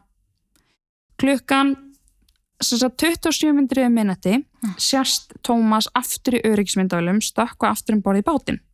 Þaðan heldur hann svo bara eitthvað út á haf Tómas Gimeno hefur ekki sérst síðan Þannig að þetta er þannig að rétt eftir miðinætti þá sést hann í myndælum í síðasta sinn en síðustu símtölinn sem hann átti já, er þennum þrjúleitið. já, svona hálf þrjú hálf þrjú slöknur á símanum Það er svo skrítið. Og þú veist, Mhm. Af hverju vildi hann hlaðan? Þurfti hann að taka bara út, út af símtölunum sem hann vildi taka við fólkið sitt? já, ég held að það hafi verið pointið að hlaðan til að geta hringt í Beatrice og pappa sinn og einhverju svona, Og þannig, að hann hefur aldrei eftir þetta sést aftur. aldrei Ok. Það Nei. er svo daginn eftir, þann 28. apríl sem er miðugudagur, klukkan 17.47 sem að bátur Tómas finnst á reki í sjónum 15 km söður að Santa Cruz. Engin var um borð. Maxi Cosi bílstóll önnu fannst einni skamt frá fljótandi í sjónum. Þarna er lögreglan og eða hvað sem þetta er sem er að rannsaka þetta, náttúrulega bara Interpol ok, og- þetta lítur ekki vel út. Mm -mm. Tvær aðalkenningarnar í þessu máli á þessum tíma voru A. að Tómas hefði farið með dætir sinum tveimur eitthvað burt og B. að Tómas hefði myrt dætir sinar og kasta líkum þeirra í sjóin og fram eins og sjálfsvík. Mm Í byrjun voru vísbendingar sem bentu til vonar um að fyrirkenningin var rétt. Fyrir utan að hafa fært bíl sinn á föðu sinn hafði Tómas millifært rúmlega 8 miljónir króna á milli tveggja bankareikninga nokkrum dögum fyrir hvarf stelnana. -hmm. Í, í eigu hans Já, hann var að millifæra það eitthvað milli reik- reikninga og Já. til viðbótur við það mm þá tekur maðurinn út 10 miljónir í mörgum hraðböngum út um allt sko. Já, að því þú veist, maður getur náttúrulega bara tekið, tekið, nei, þú veist, kannski 200 skall í einu eða já, eitthvað. svona. Og hann, hann bara hendir í þetta. En það kemur í ljós að hann er reynd að opna vísing, reikning sem er, þú veist, ég veit ekki nákvæmlega hvað vísing er, ég myndi hugsa að vera svona svo Paypal fyrir okkur, Já, þar sem þú getur bara fært peninga á milli, bara landa, hinga og þangað og eitthvað svona, mm en hann gata ekki út í að vefsíða bankans sem vildi ekki samtækja postfang reikningsins sem hann, var að reyna að milli frá Mæja er að tröfla mig. Maja, fara að bælið. Farðu á bælið. Fara að ekki, ekki Maja. í það. farðu á bælið. Maja, komdu. Unni Frank er ekki með neitt handa hún er bara að taka í vöruna. Ég bara alltaf þú hún dilla skottum og hugsaði um að það helikopter, helikopter. Ég veit ekki okkur Hún er bara svo sæt, það hefur svo óslega hátt í klónum hennar. Ég held að þess að það er svo ógsta átt í klófin hennar Við ég ætla að gáða þetta heyrist eitthvað miknum mýknum.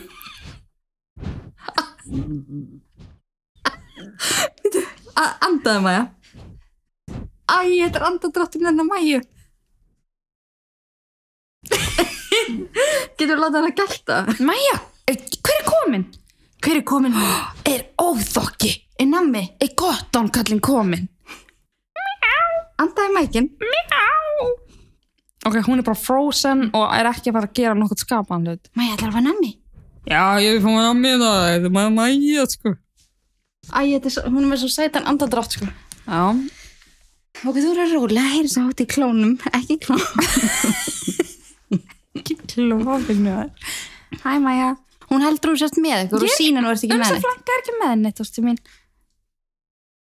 Uh, Ekki þetta leitarheimild var fengin á heimili Tómas og þar var allt í óreiðu. Þú veist, ég veit samt ekki hvað ég meina með óreiðu, af því þú veist, mér varst þetta ekki eitthvað, þú veist, dótstelpnana var svona við að dreifum allt og sum þeirra voru samt í plastboka sem er svona pínu weird og sundlaugin var tóm og skítug sem það var eitthvað svona kommenta á það, en þú veist, ef að dót á því að dreifur óreiða þá bara mitt hús bara óreiðu mestarinn. Same, ég sé fyrir mér að þú veist að íbúðin hans hafi virst eins og þau hafi verið að pakka fyrir ferðalag. Æ, Já. þú veist, þegar maður er búin að tæta út úr eitthvað. já, ég hugsa það. Einmitt líka sko. Ný sönnunagögn uh, sorry, ég fekk bara einhvert Allir góð. Ný sönnunagögn voru hins vegar fljót að halla lögreglu í átt að verri kostinum. Kosti B.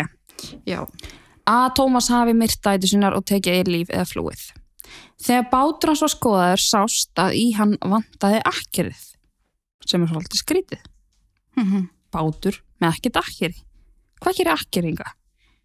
Akki, er það ekki svona er það ekki svona sem að lætu bátinn stýrast Nei, það myndi vera stýrið. Nei, það sekkur bátnum þú vilt ekki eigan lengur Já. En þú veist, þá Akkurat. ætla hann ekki að vera laus þá að vera fast í bátnum Já, þú varpar akkeri og þá sagt, stoppar held í báturinn á endanum eða eitthvað. Þú, þú veist, varpar akkeri og það er með þungt en að heldur bátnum á sínum stað. Þú þarf ekki að útskýra fyrir mig hvað ekki er Hérna, en við skulum halda áfram. Já Allt í óreða heima hjá honum Nei, það vantar akkerið. Uh, fast...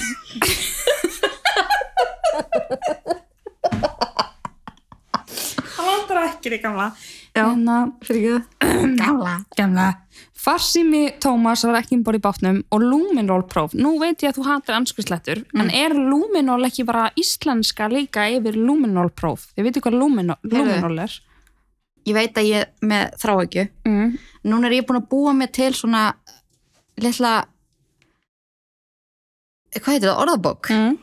Luminol skal ég það segja og ykkur öllum hefur íslenskt heiti ok og það er, að, ég byrðist afsökunar Luminol er alþjóð, alþjóðlegt orð Já, er það ekki? Jú.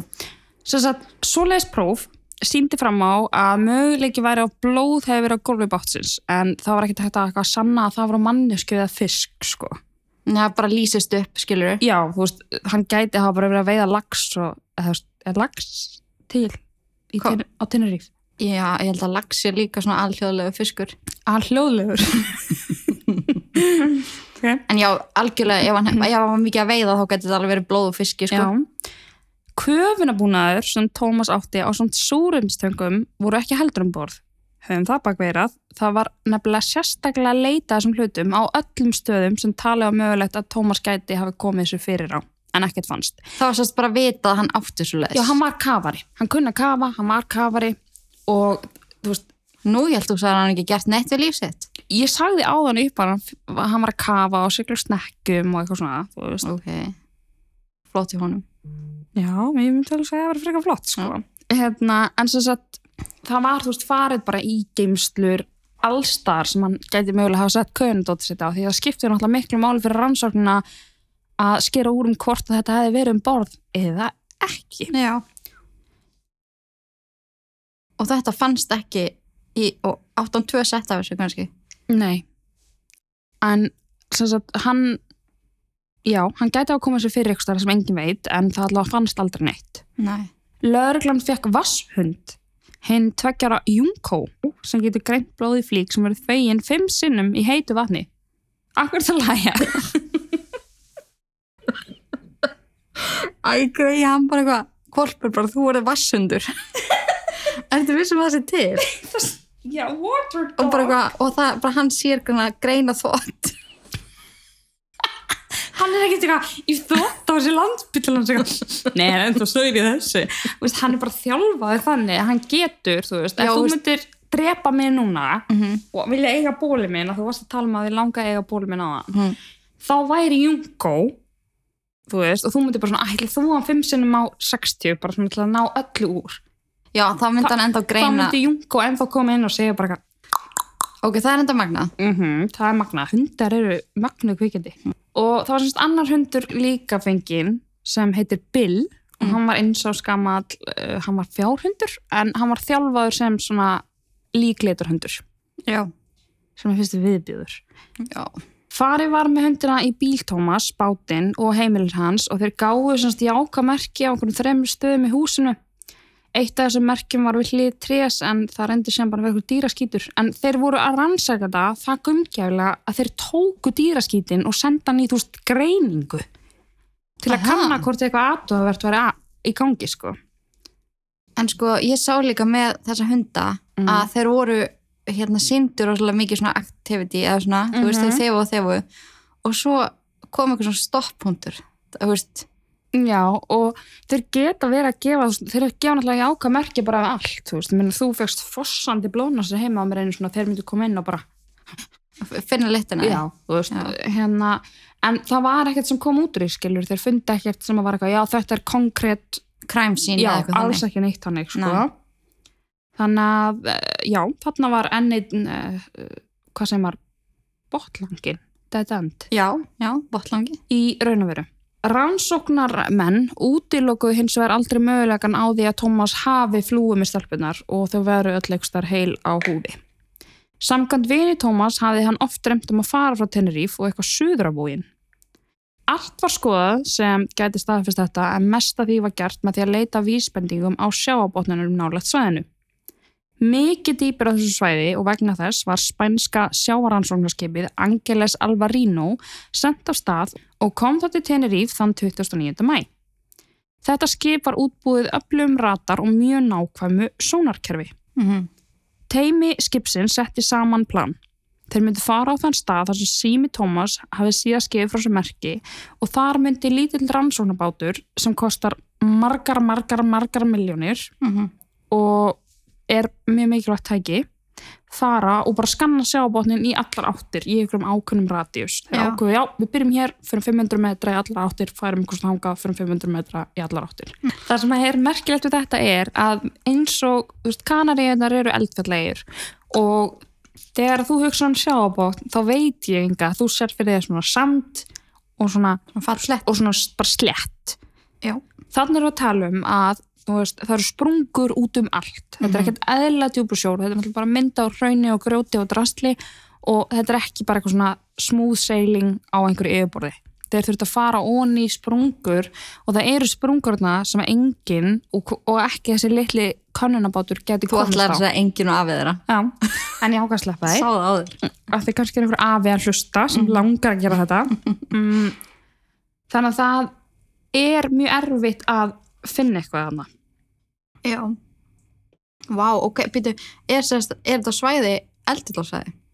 Kanireyjar? Já, þetta er náttúrulega, þú veist, í raun og veru bara, er ekki eldfjall, það er eldfjall það minna gaus bara hann rétt hjá, gaus ekki að tenir íf bara í fyrra eða eitthvað, Ég það ekki. eða á einhverju svona, svona nálar eigi, jú, jú. Já, ég meina þannig að ef að hann hendis út í ágættan alveg farið onni í þessu sprungu bara lengst Já, ég er að segja að þú droppar einhverju, þá er að, að, þú veist, mjög mikla líkur á að fara það djúft að það muni aldrei neitt finna það. Mhm. En þeir alveg reyndu uh, gífurlega mikið að gera það. Um klukkan tvö, þann 7. júni, fann báturinn súröfnistang og sænguver. Úf, Mm Um leiðabáturinn kom på yfirborðið var farið að rannsaka þessa hluti og staðfest var að þeir væru í eigu Tómas. já. Í hádeginu þann 10. júni á meðan leit á sjáabotni stóð sáu myndaðilar bátsins skelvelega sjón í myrkrunu. Á 888 metra dýpi var akkeri með tveimur stórum töskum fest við það. Ein taskan hafi greinlega verið rifinópin og ekkert var inn í henni. Hinn var það ekki. Taskan var hýð upp úr sjónum og inn í henni fundust líkamsleifar ungrar telpu. Hún var vafin í hangklaði og hafði verið tróðin í plastboka. Líkið var byrjað að rotna en var samt í betra standi heldur en það hefði verið eftir svona langan tíma þar sem að vatni í kringu það er svo ógisla kallt. Já, já. Það hægði hana á öllu ferðinu. Hægt var að taka fingraför og þetta sama kvöld bárust þar hræðilegu fréttir að líki í töskunni væri af henni sex ára gamlu Olivia. Styrlað. Þetta er styrlað. Eftir þetta kom ekkert andi greina hjá lauruglu annað en að Anna hefði mætt sömu örlögum og sýstu sín og þeir hófu leita líki hennar. Þeir töldu alla líkur á að það hafi verið, líki hennar hafi verið í töskunni sem var tóm. Já. Það getur hafa verið eitthvað dýr, Mm hákall, eitthvað sem hefur reyfið á opið. Já. Einnig hófu þeir leit af líki Tómas. Því miður hafa hvoröttir að fundist en þann daginn í dag. En sagði þú mér ekki líka að það hefði mun að hársbreyta að akkeri hefði Jú. farið hún í ykkur sprung, sprungu og þá hefði töskunar aldrei fundist? Jú, ég ætla að segja frá því núna og ykkur. Þann 21. júni fann rannsóknbáturinn tvo súlundanstanka nokkrum kilometrum þaðan sem akkeri fannst. Ekkert fannst eftir það. Það var svona 1. júli eftir mánaðaleit og 392 klukkustundir undarsjáarleit yfir risastort svæði sem leitar hætt. Það voru 6.000 vinnutímar áðamanna um borðið Vá. skipinu í leitina og kostaði þetta um 50 miljónir króna. Angelos Alvarína sildi tilbaka til Spánar. Þessi ákvörðum var tekin vegna þess að líkundur á því að finna líkanslega var Önnu og Tómasar væru nánas yngar. Nei. Sérstaklega þessi rannsóknabáturinn hafði næstum tvisvar týnst í svona djúpum sprungum og það bara, Ætli þetta sé, þú veist, þetta er pátur bara svona fjárstýrt. já, þú veist, þetta er bara fjárstur í bátur og þeir eru næstum búin að tapa hann tvisvar. Beatrice Simmermann var í mólum þegar hún gaf út yfirlýsingu daginn eftir að leit var hægt þar sem hún þakkaði áhöfninni og yfiröldum fyrir alla vinnuna, þrátt fyrir þessa hörmulegu útkomi. Mm Lík Olivíu var rannsaka á Tenerife og þar komið fram upplýsingar sem hjálpuð við að fylli eðunar um hvað gerðist þetta skjálfilega kvöld. Líki var í það góðu ástandi að hægt var að finna dánar orsök tiltölulega fljótt. Hún hafði látist úr uh, lúnabjú. Þetta er eitthvað sem finnst oftast af fólki sem hefur fengið mjög stór hjartáfell og oftast hjá eldra fólki. Mm. Hjá Olivíu var þetta hins vegar vísbending um köpnun. Meðal annars fundust smáir skurðir í kringum munn og nef Olivia sem, dánadómstjóri sagði að skýrist að því að hún hefði verið kæfð til dauða. Mögulega með kotta eða teppi. Í fyrstu var haldið að hún hefði verið deyð með lifinu lorazepam þar sem að það fannst tómur því heima á Tómas en það fannst ekkert svo leiðis í blóðinu á henni. Nei. En þú veist, fyrir maður sér þetta mál. Já, af því að þetta er basically, eða þú veist, þetta er rauninni staðan. Já. Það er ekkert vita neitt meira en akkur þetta. Þetta er bara, hérna getur þú sett bara punkt. Og þú veist, var þetta eitthvað svona stundabrjálega? Nei.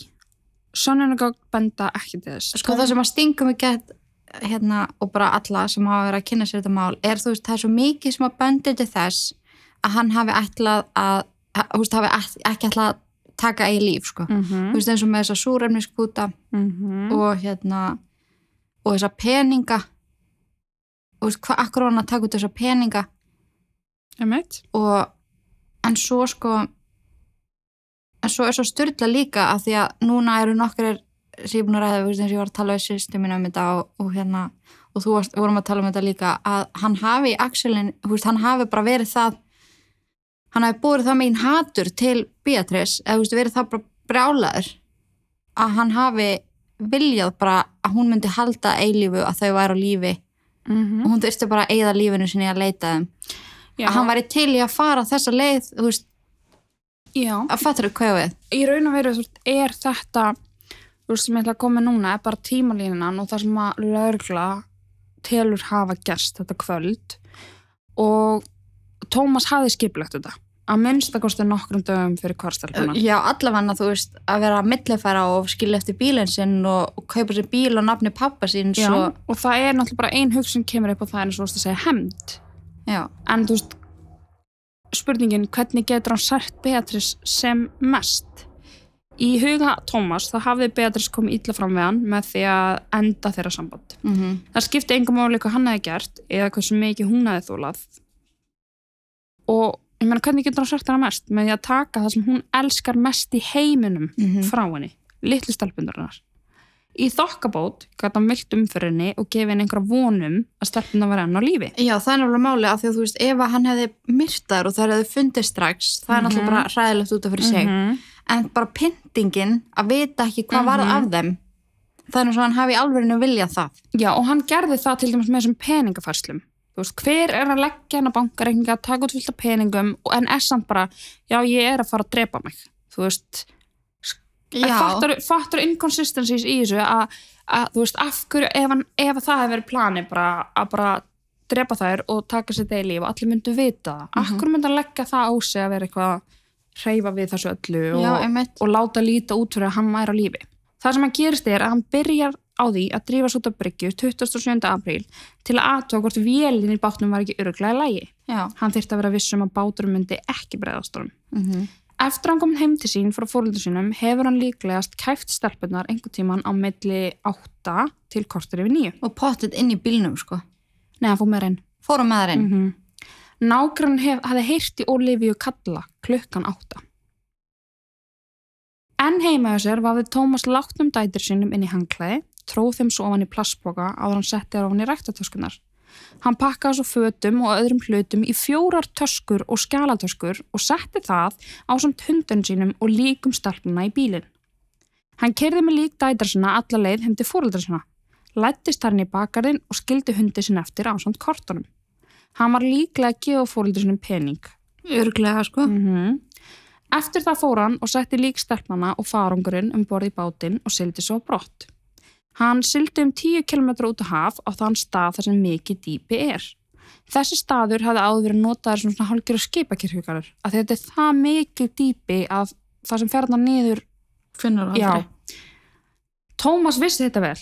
Hann veist, var búin að eigða lífisinu á að sigla á bátum og kafa og bara þekkti þetta mjög vel. Og Mhm. þess vegna valdi hann þennan stað til að sleppa akkirinu. Hann var alltaf búin að binda þessar töskurnar í akkirið. Þannig að hann velur þennan stað og í þessu ógisla plana hans er bara eitt mjög mikið á hreinu. Og það er að Beatrice myndi aldrei fá neinn svör mm aldrei neina lókun. Hins vegar, það sem eðilegur fyrir Tómas er það að akkerið lent sem sagt, í, það lendir í svona brekku á leiðinu onni sko rosalega djúpa sprungu hann lendir það í brekku og akkeri festist af því að þarna var fyrir sagt, gámur úr gömlu einhverju fraktskipi. Mhm. og akkeri bara festist í honum. Og það er eina ástæðan fyrir því. Taskan finnst. já, af því að þú veist, það hefði farið beint það hefði runnið beint onni sprunguna. og ekkert hefði, þú veist, það er mjög litla líkur og þeir hefði fundið það þannig. En þú veist, já, það er bara mjög augljóst að hann battar við akkerið, Mhm. losaði akkerið frá bátnum sjálfum og hendur út í, hann ætla, þú veist, þetta var planið, það er bara ekki þetta að rífast um það, sko. Svo kemur hann bara tilbaka en næstu hann að tekja inn á strandgæslunni og kaupir hlæðstækið. Já, en hann, hann kemur sérst tilbaka þegar hann er búin að losa hann sig kemur við þess. tilbaka eftir að hann losa sig við lík stelpnana og hann á samtalarna við Beatrice eftir þetta um að hann sé bara að fara að yfirgefa eiginu með þær og þær muni lifa góðu lífi og eitthvað skilur. Og bryggjunni sem leiði hann að hlaða síma sinn Já, hérna, reyndi að segja við hann bara, þú máttu ekki fara út, veist, það sigla, það er útgöngubann og eitthvað svona, Já. en Tómas bara svona, eitthvað, fór bara. einmitt. Hann sagði öryggisvörnum að hann mætti eiga þetta glæni að hlæðastæki sem hann var að kaupa og sildi svo í burtu. Sú staðarind að hann hefði tekið út alla þessa fjárhæð og ástæða þess er náttúrulega umdilt. Gæti verið að hann hafi alltaf flýja land eftir morðin. Mögulega hefur hann alvarlega íhugað það en andlet ástand hans eftir þetta hefur mjög líklega verið slæmt Mhm. og kannski fann hann fyrir eftirsjá. Æ, Maja, þú er að hafa hljótt á meðan. Líklegt er að Tómas hafi kastað símanu sínum í sjóin um hálf þrjú eftir að hann hættur að ringja allir sér símtöl í alla. Mm -hmm. Hann gæti hafa sett á sig kafarabeltið, bundið súrumniskúta í það og stokkið svo sjálfur í sjóin. Hann, eins og er búið komin áður, var kafari og hann vissi að því dýpra sem hann færi ofan í sjóin, Mm. því meira nýtrogen yrði í blóðunans sem myndi framkalla kafarveiki. Kafaraveikin hefði orðið, orðið til þess að hann upplifið breyting á meðutund. Það getur verið allt frá því að þú finnur eins og svona smá drukkin yfir í bara þú veist, fullt meðutundaleysi en þú getur fundið fyrir sælu tilfinningu bara eins og þú veist, þegar þú ert að drukna og, og að kasta svona í sjó með ekkert á sér, enga þingingu Mm. þá náttúrulega þú veist, þú ert í, langan tíma skilur að berjast, að líka meginn fer alltaf í það, bara ég drukna Já. bara í verð, bara það er þetta þú veist, líka með það bara í að lifa af Mhm. og hann vissi alveg að hérna, hann myndi bara sökka niður, Mm. þá myndi þetta svona fight og flight mót ekki koma fram, Já. þannig að það var líka bara easy death já, hann. og hann notaði augljóslega kafarabúnaðin. Já, að því að þessi súrumstakast finnast þarna bara eitthvað fljótandi, hér, hist og her, sko, þannig að það er bara klárlega þannig að hann hefur gert það. Lík Tómas var að öllum líkitum bara orðið að beinagrind þegar að skipið er hann að leita á hann, sko. Já. Og Þið- bara búið að geta hann. Þú veist, já, því tækja eftir að ég er búin að segja líklegt mjög oftina, því það er enginn sem getur sett punktinn á það Nei. nákvæmlega gerðist. Hann gæti alveg verið lifandi, sko. Já, og þú veist, einu upplýsingarnar um hvað nákvæmlega gerðist þetta kvöld hörfu með þessu manni Það gæti þess vegna líka verið að hinstelpan sér lifandi. já, þú veist, það er bara margar spurningar sem vakna þegar maður horfir á það Það er En- eldri stelpan sem finnst, bæði. já, Já. Um, mín spurning er hver getur gert svona að því að sko, nú höfum við farið við mál þar sem að er klárlega vandaregsla frá ungum aldri, klárlega engin tenging, engin ást skiluru, Mm -hmm. en Tómas síndi bara öll merki hann elska þessar stelpur og það er hann Mhm. þú veist, hann leik við þær, hugsaðar og bara eitt í geðt miklum tíma með þeim, kistar, knúsaði þær og þær voru bara börnin hans Já, bara besti pappi heimi, þú veist, Mhm. það er bara, það er mitt hægt að sjá alveg fullt af vídjóum, við- þú veist, maður skilur kannski ekki hvað fer fram í þeim að því að það er alltaf spænsku, en þú veist, það er til fullt af ótrúlega svona krútlegum vít, svona fjölskylduvídjóum af þessu fólki, Já. þar sem hann, og þetta, núna verði ég bara að fá að segja þetta bara Chris Watts veist, bara ding, ding, ding, þetta minnir mér svo innilega á Chris Watts bara á allan hátt. Á allan hátt. Þetta er sko eins og þú segir veist, það er ekkert sem að bendir til þess að einmitt, hann hafi verið vanrægt hann átti bara frábært líf en þú veist þeir eru bara sömu karakteranir og það er ekki, ekki einn manneskja sem er eitthvað já þetta Já. var svolítið skrítið, þú veist. Einmitt, mm, já, hann var kannski ekki nei, bara ekkert þannig sko, bara þetta kom, fór, húst, jú, hann var samt sko, það sem hann hefur hann, húst, sem er öðruvís en Chris Watts mm. er hann var svo ofbeldisneiður og þú veist, átti það til að vera svo hraður upp á okkur svo leis og einmitt beitt hann á ofbeldi sem er vitað. Þú veist, Chris Watts gerði það ekki. Og Chris Watts er alveg bara, þú veist, bara besta dæmi heimi um svona stundar brjálaði mm bara þú bara já, en þetta verðist hafa verið skipulagt Já, og dóm, það var náttúrulega engin dómari, en þetta var samt náttúrulega að fara með þetta í gegnum, þú veist, yfirvöld og það var samt einhver dómari sem þurfti að úrskurða eitthvað, ég veit ekki alveg nokkulega hvað, Mhm. en hann sagði að þetta var eitt kaldrifjasta og ógeðslegasta plan sem hann vissum. já, því að þú veist, ef þetta er svona eins og þetta verðist vera Mm -hmm. þá þetta er eins og þau ert að skjótast út í bíl og bara æ, ég þarf að skjótast aftur upp og sækja meira. Þetta pínu þannig þegar Mhm. hann kom aftur í höfn bara æ, sími minn er að deyja, ég þarf að hlaða hann svo ég geti nú pottet mynd á mig. Já, ég meina, hann, hann vildi á mútið þjást, meina, hann ringir í hana eftir hann að búin að drepa börnin þeirra og er bara, við erum bara að fara að veginni. og líka þetta með hundin þær voru dánar þegar hann fór og droppaði hundunum af fóreldru sínum. Og, og bara greinilega þótt hann vætnum hundi sin. Já, mér stætti alveg styrla því að sko Chris Watts gera það sama, hann drefur ekki hund, fjölskylduhundin, Nei, það er náttúrulega. Þa, en það er ekki pointið. Nei, hann, er vill, hann, hann vill, þú veist, tortjúra Beatrice. Já, og hann gerir það, þú veist, í raun og veru, ef maður sko tekur þetta út sem sko, þú veist, maður er ekki að horfa á viðbjón, þá er þetta snildarleg hend, þú veist, þetta Já. er the worst bara og þetta er mjög vel út plana hjá honum Já, og þetta er ekkert eitthvað heimskulegt, en Jú, þetta er mjög heimskulegt. nei, þú veist, ef þú horfir á þetta sem plan, Já, og já, bara með já. aðgerrar áætlun, þá Mhm. er þetta ekki eitthvað svona, setjum þetta saman í, þú veist, þetta er ekki, veist, Það er bara mjög direkt, þú veist. já, bara, herru, já, ég ætla að milli vera hérna, ég ætla að gera þetta og, Mhm. en hvað er þessar tíu miljónir sem hann tók út? Já, mér þannig að þetta áhugavert, sko, og hérna, mér- það eru svona ákveðni punktar í þessu sem að stinga. Þú veist, eins og þessu, þessu box til kærustunar. Já, pakki sem að gaf kæristunni, það stingur mjög, mjög mikið. Já.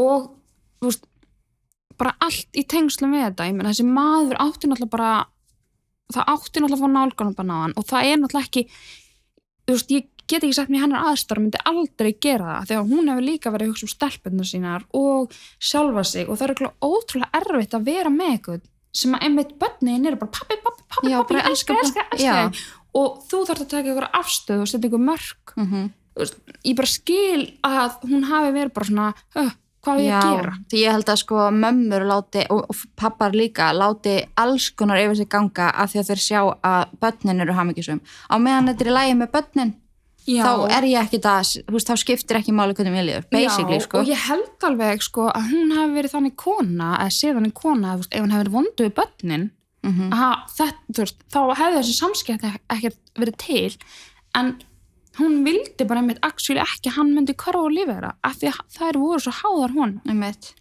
og þetta er náttúrulega mjög umdilt veist, er hann rotnaður einhver staðar á hafsbóðni Mhm. eða er hann einhver staðar og notaði hann þess að 10 miljónir til að kannski parta þeim til að fá til að sækja sig lifa, þú veist, er það möguleiki Sko, mér finnst persónulega mjög úr karakter hjá honum að fara svo bara að taka í líf. já, því að við. sko Af því hann er náttúrulega natural born winner. en svo hugsaði þetta samt líka að hann er rævill Já, hann hefur fengið allt upp í hendurnar hann hefur aldrei þetta að vinna, þú veist 10 miljónir, þú lifir ekkert lengi á 10 miljónum nei, ekki á líka lífstilum sem hann var vanur, Nei, sko. einmitt og, og allt það og málinu er náttúrulega formulega lokið Mhm. Þa, það var bara slaufa á þetta mál af því að það bentu öll sönnunagögn til þess að þetta hefði gerst að hann... Finnst þér eitthvað fjallað um þetta?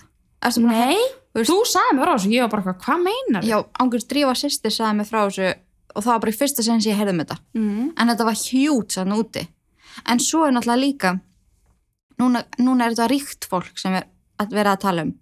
Ef þetta hefði verið bara svona mennilegt fólk, eða þú veist, Ég veit að ég hugsaði þetta líka hefði verið leita svona mikið, hefði verið farið strax í þetta, hefði þetta verið gert skilur af svona miklum ákafa.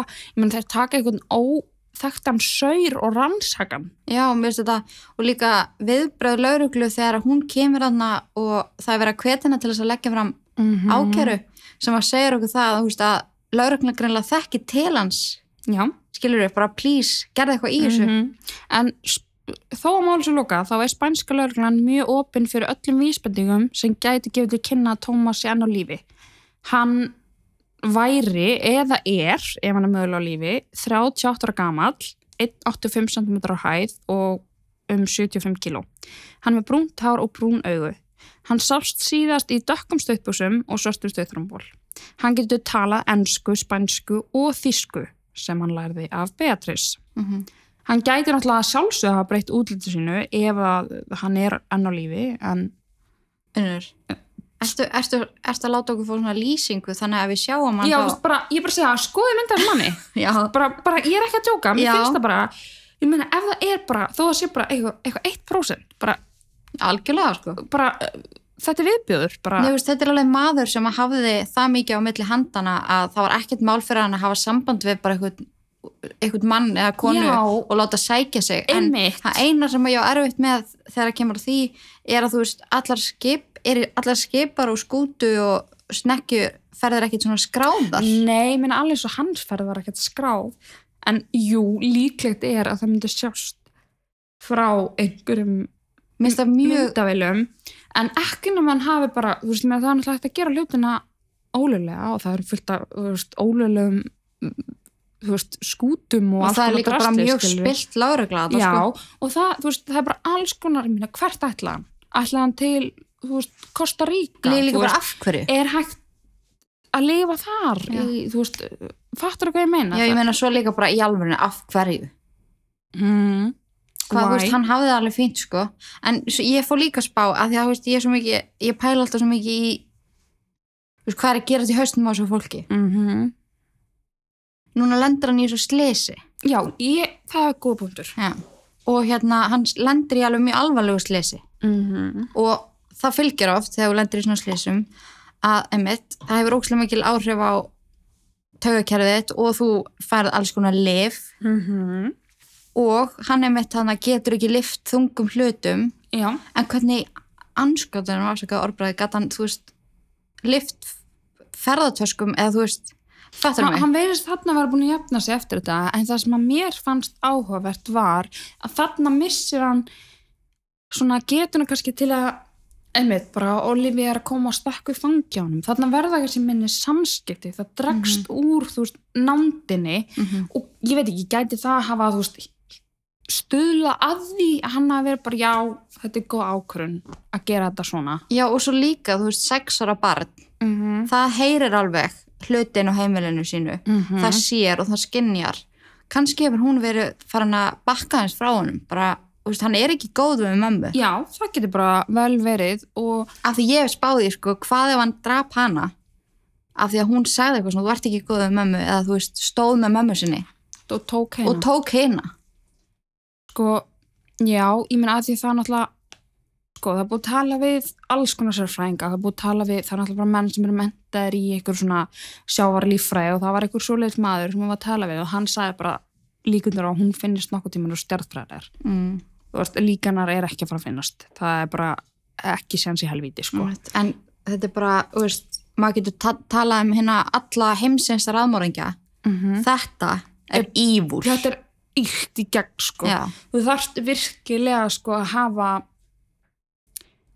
ég veit ekki, ef þetta væri utanakomandi maður mm skilur að þetta er pappi þeirra Já, og, og- þetta er ekki svona pappi þeirra sem kom í heimsón einu svona í mánuði. Þetta er þeirra sem var með sammeilegt forræði sammeila umgengni. Og maður sem að nota benni þau voru búin að saman síðan þau voru úlingar já, ég menna að kennast þegar hún er hvað 15 ára? Já, spáðu í því hvað Mhm. þú veist að hata eitthvað mikið. Bara, ég, já og bara hvað þú líka ert bara viðbjóðslega mikið þú veist að geta sagt bara að því ég menna hann tala náttúrulega bara við hana bara og er bara já, veist, bara, hann er bara með þær og þær eru bara dánar og hann er bara já, við erum að fara í henni ég veist, ef þú ímyndaði bara hvað er stundum erfitt að ljúa bara einhverju svona gríni skilurðu. væri maður ekki bara ég er að henni Já, bara stundum að maður að plata einhverju hvítri lí og maður getur valla haldið andliti sko. Pældi að geta hringt í konuna svo elskar sem varst úlingur og verið bara eitthvað, já, þú veist, við erum að fara, að, já, þú veist, þetta er bara, þetta er gjörsalega galið. já, og líka ekki einu sinni, heldur nokkru sinnum. Já, og, og segja bara, já, ég veit en það er bara muni bara þú veist, þær munum bara læra þetta. Mm þær er ekki svona lífi ykkur. En þetta er svo mikið dæmi um svona, ef að ég get ekki fengið ykkur, já, þá getur það bara enginn. en máli er samt að það var enginn að fara að taka þær Nei, enginn sko, hún myndi aldrei, hún hefði aldrei tekið og honum böðist umgengni. Hann hefði bara þú veist, jú, ég meina mögulega hann hefði haldið áfram að vera viðbjöður og ofvildismæður, þá jú en hann segir henni, já, ég bara vil gera alist upp án mín. Ætli hann hafi verið svona miklum sjálfsvegs hann Það hafi viljað binda enda sitt eigi líf og verið bara, já, það er náttúrulega bara mjög hræðilegt fyrir þær að lifa án mín. En ég hef búin að heyra svona slúður, ef að svo má kalla, eða svona, fó- fólk er búin að ræða þetta á Tenerife, að hún hafi sérst, öskra á hann kvöldið sem hann réðst á hana og, og kærast hann, mm. að hann mun aldrei, þú veist, hún myndi aldrei sjá þær fokkin aftur.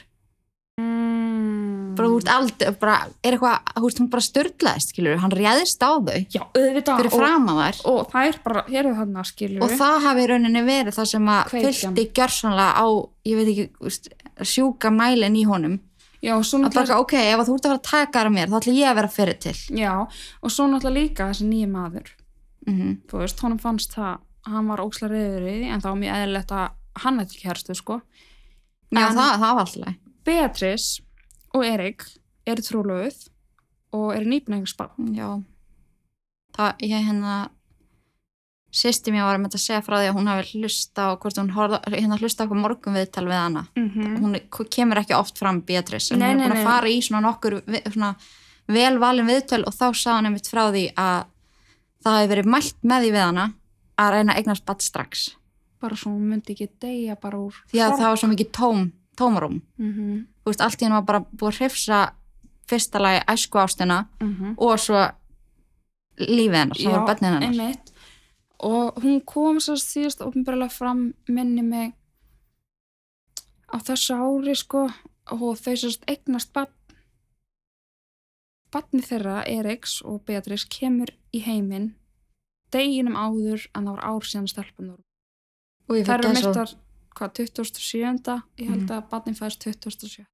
báði því Mm -hmm. það er styrla sko en hvað, það væri gaman að heyra hvað eitthvað finnst við þurfum að gera þráðin á lokuðu Facebook-grúpunni af því að þetta er alveg, þú veist, það er alltaf ræðið í þaula sko, en þú veist, líklegast er að þau hafi bara öll dáið þetta kvöld Já, ég minna það bara öll sanninu gagbenda því að smálið er lokað, uh, slamdang hjá lauruglunni, en það er alltaf að hugsa.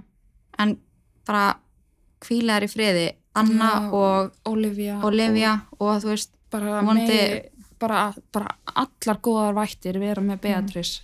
Það sem eftir er að hennar lífi, sko. mm, þetta er styrlamál Þetta er styrla mál. ég á svo erfitt með svona þú veist, það sem maður fær ekki almennilega lokun Ég veit það, því maður er svona með svona semi-closure Já. en ekki og það sem er líka pínu svona trikki við þetta mál ég var að að horfa á viðtölu á hana, þetta er alltaf spænsku. ég veit það, það er ekki dummit á ennsku seriously Nei, sko og ég er náttúrulega djúbkafari, nota reddit mikið og svona Mhm. og bara komst það sér þannig en fólk þar var mitt bara, wow, aldrei hýrt um þetta. Bara, what, bara oi, ógislegt, en er það ekki skrítið? jú, mér finnst það alveg, mér finnst, þú veist, það hefði verið gert einhvern veginn meira máli úr þessu. Núna til dæmis, veist, og þegar maður fór að skoða mm. svona Tenerife eitthvað þá er fullt af skrítnu dóti búið að gerast þar sem að maður heyrir aldrei um. Mm eins og eitthvað, hérna, ég átti nú eftir að kynna mér að betur en það var eitthvað bann í ferðartösku já, á okkur um flugvelli.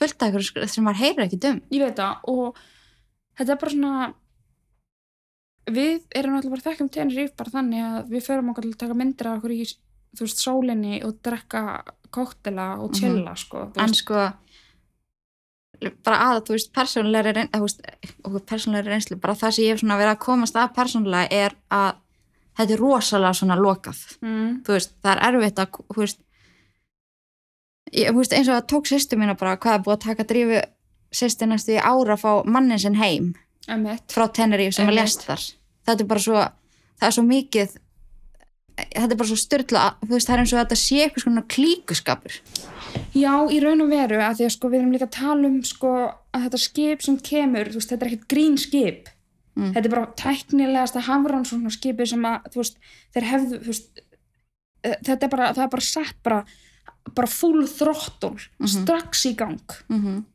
og það er ekki eitthvað svona já, þú veist, hann er örugglega bara að segja þetta. Eitthvað svona, ég get svo ímyndið með þannig viðbröf eða bara einhver myndi labba henni götunni en hún lögstöð bara, heyrðu, veist, þetta er bassfæða minn og hann er búin að segja að hann sé búin að ræna bönnunum mínum Mhm. og ætla af eiginu þeir var eitthvað svona, já mögulega er bara segja það eða eitthvað svona, mm veist, þetta bara búm bara strax, bara strax.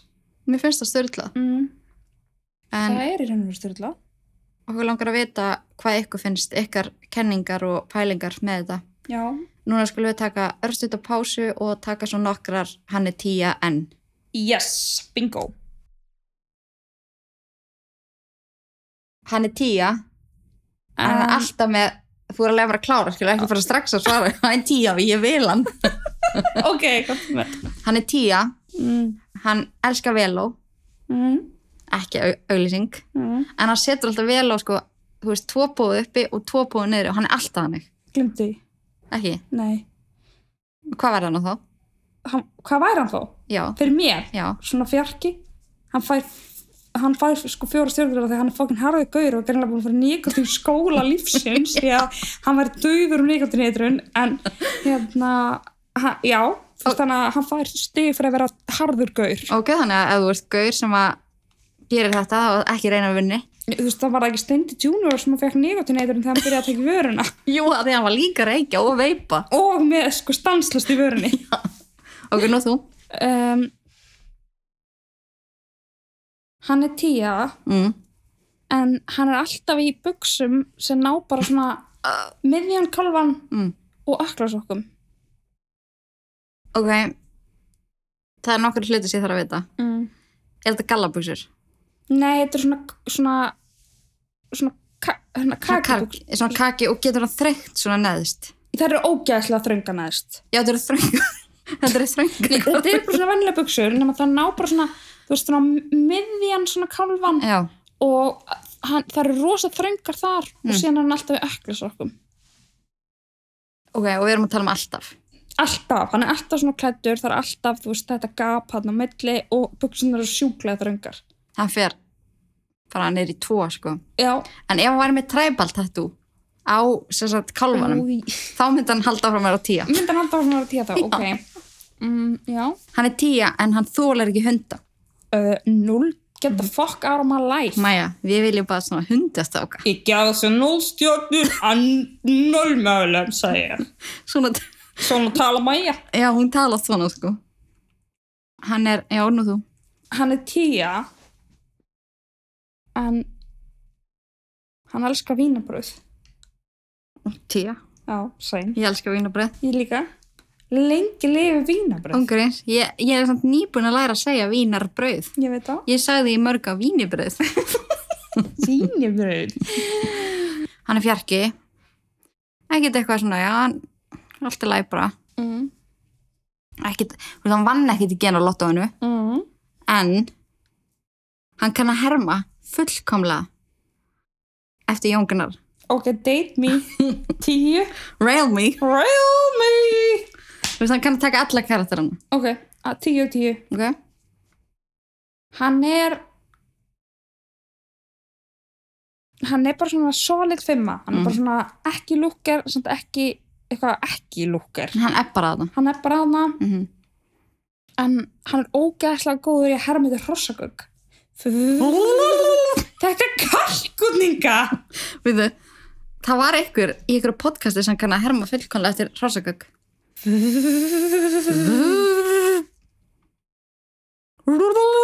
þetta er kalkun hvernig hljómar þetta Rossagöggur? svona. Ég held Hljómar svona, ég er ekki djóka ég ég er að vinna við þetta. Ég ætla að lega að heyra. professional impersonator Vá, Rossagöggur hljóð er eitthvað sem er til á YouTube. Já, auðvitað.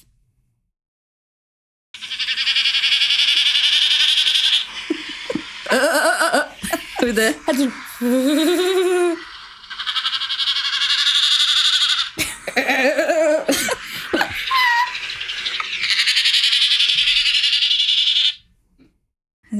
Hvað gefur hann? Það var henni nett að vera Býtu, ég var að ná þessu Nei, ég, Jú, býtu, ég fann það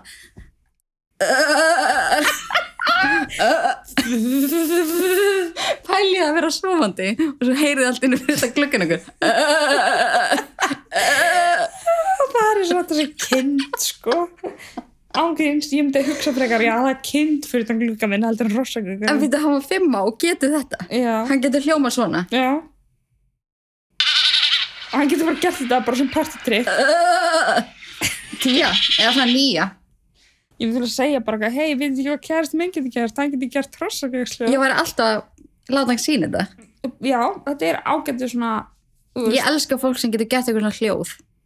já ég sko var eins og gett góð í að spila trompet með munninu, menn ég er það ekki lengur Hvað minnur þau? þú veist þú veist það bara svona setur efri veruna yfir neðri veruna Mm. og svona Vá, Ma Maja, hægt að heyra þetta? og svona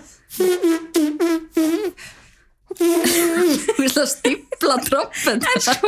hérna það varst að þetta er að þegar ég kynntist kjærstum minnum þá síndi ég honum hennar linda hæfileika minn Mm. sem ég var betri þá og hann lauði að mér og hann finnst ekki að flott og hann finnst ekki að líkt trompeti og hann lefði mig gera þetta um partíum og hann bara hei og ég segi runni kunni að gera alveg eins og trompet og ég var alltaf bara í öllum partíum og allir var að hlæja mér Líka svo góð við þetta er að þú ert að spila á takkana með svona luftfingers. Já, ef þú gerir það Þú, þú verður að setja efri vöruna yfir ha. Getur þetta Þetta ekki er gott podcast. Þetta er, ó, Ég kann að vera svo Andri Sönd. nei Ég víst. Já, hvað er með Ég kann satt ekki að segja hennan orð. Ok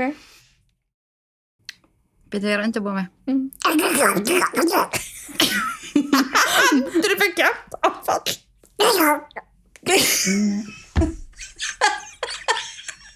Maja er að gefa mér mesta hotna Hún er bara ekki að nenna Geta fóka Ég get hann tala eins og ógæð eins og ógæð skumsli Nei, svona andjóks Ef að gerast maður fyrir döfnum að gera ég þetta og þá lappa hann í burtu og hann finnst þetta svo ógæðlegt Inga, komdu hérna. Inga, komdu hérna, ég ætla að geta þig. Þetta er ógeðslegt Er þetta ógeðslega skrifslið? Þetta er ógæðslega skumsli Ah, wow, þið lík búkljóð Ég ætla að kissa þig. Oi, what the fuck? Þetta kemur, þetta kemur deep down. Ég er bara svona mikil aðnátti þinn. Þú tala, og ég get að fá baklæði. Þú tala þetta alveg svo frænka mín. Er bara, neina að segja við hana Kemur ekki ættam út í sumar. Kemur ekki að hætta móti í sumar.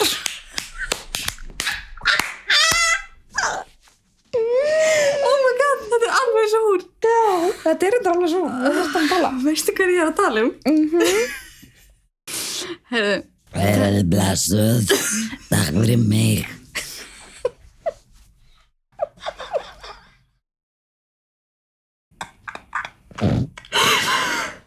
takk fyrir að hlusta Skráið ykkur í áskrift.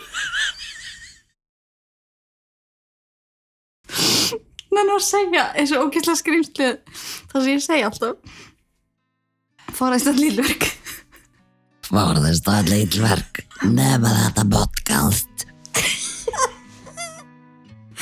Verðið sæl Takk unnur fyrir komin og takk, takk fyrir að skrifa þetta hangdrið Ekki máli.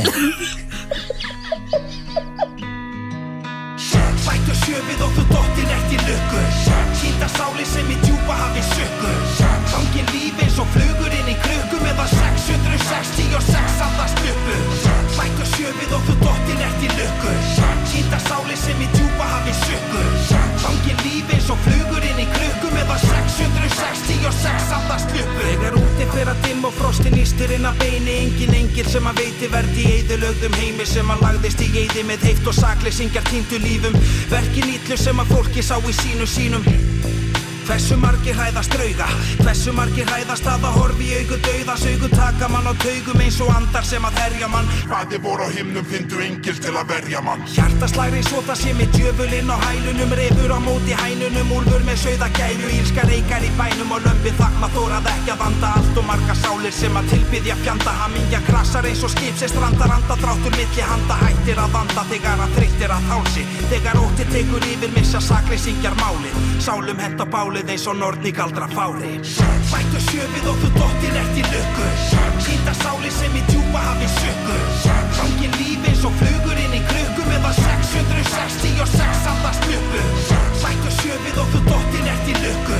Týnda sáli sem í djúpa hafi sökku Gangin lífi eins og flugur inn í krukku Meðan 666 andast luppu Er það reyði sem að geri megin Skeppnuskapur eins og grimmir hundar sem að naga bein og rifur inn í hænsna kofa hænur sofa svefninum langa þegar að andar koma. Þegar illir andar taka yfir liði fyrir yfirlið ef ljósið andar fara fyrir. Flesti kjósa fá að halda friði liðið í þar um og missi trúna sem það liði fyrir Flesti standa eftir og stara bara hendi sjúkum hug eins og hjá blóðþyrstum talíbana Þau þurfa að byggja fyrir sálum sínum. Eins og fíkil sem er háður vímu þjáður er í sárum sínum. Byður um það eitt að hlusta sé á alla bænir sínar. Engið hefur grýtt að vegi alla fokkin æfi sína. Við skulum kveikja nokkru kertum á. Viltu fá að sjá 666 vandamál? Bættu sjöfið og þú dottir ert í lukku. Týnda sáli sem í djúpa hafi sökku 1966 allar skjöpu Hættu sjöfið og þú dóttir eftir lukku. Hýta sáli sem í djúpa hafið sökku Hangi líf eins og flugur inn í klukku meðan 666 allar skjöpu Býðum í andar dag, andar brótur, andar bar Í andar glassi skilji andar eftir andar bar Býðum í andar dag, andar brótur, andar bar Í andar glassi skilji andar eftir andar bar Býðum í andar dag, andar brótur, andar bar Í andar glassi skilji andar eftir andar bar andadráttur andvarpar. Í andaglasi skilji andar eftir andafar.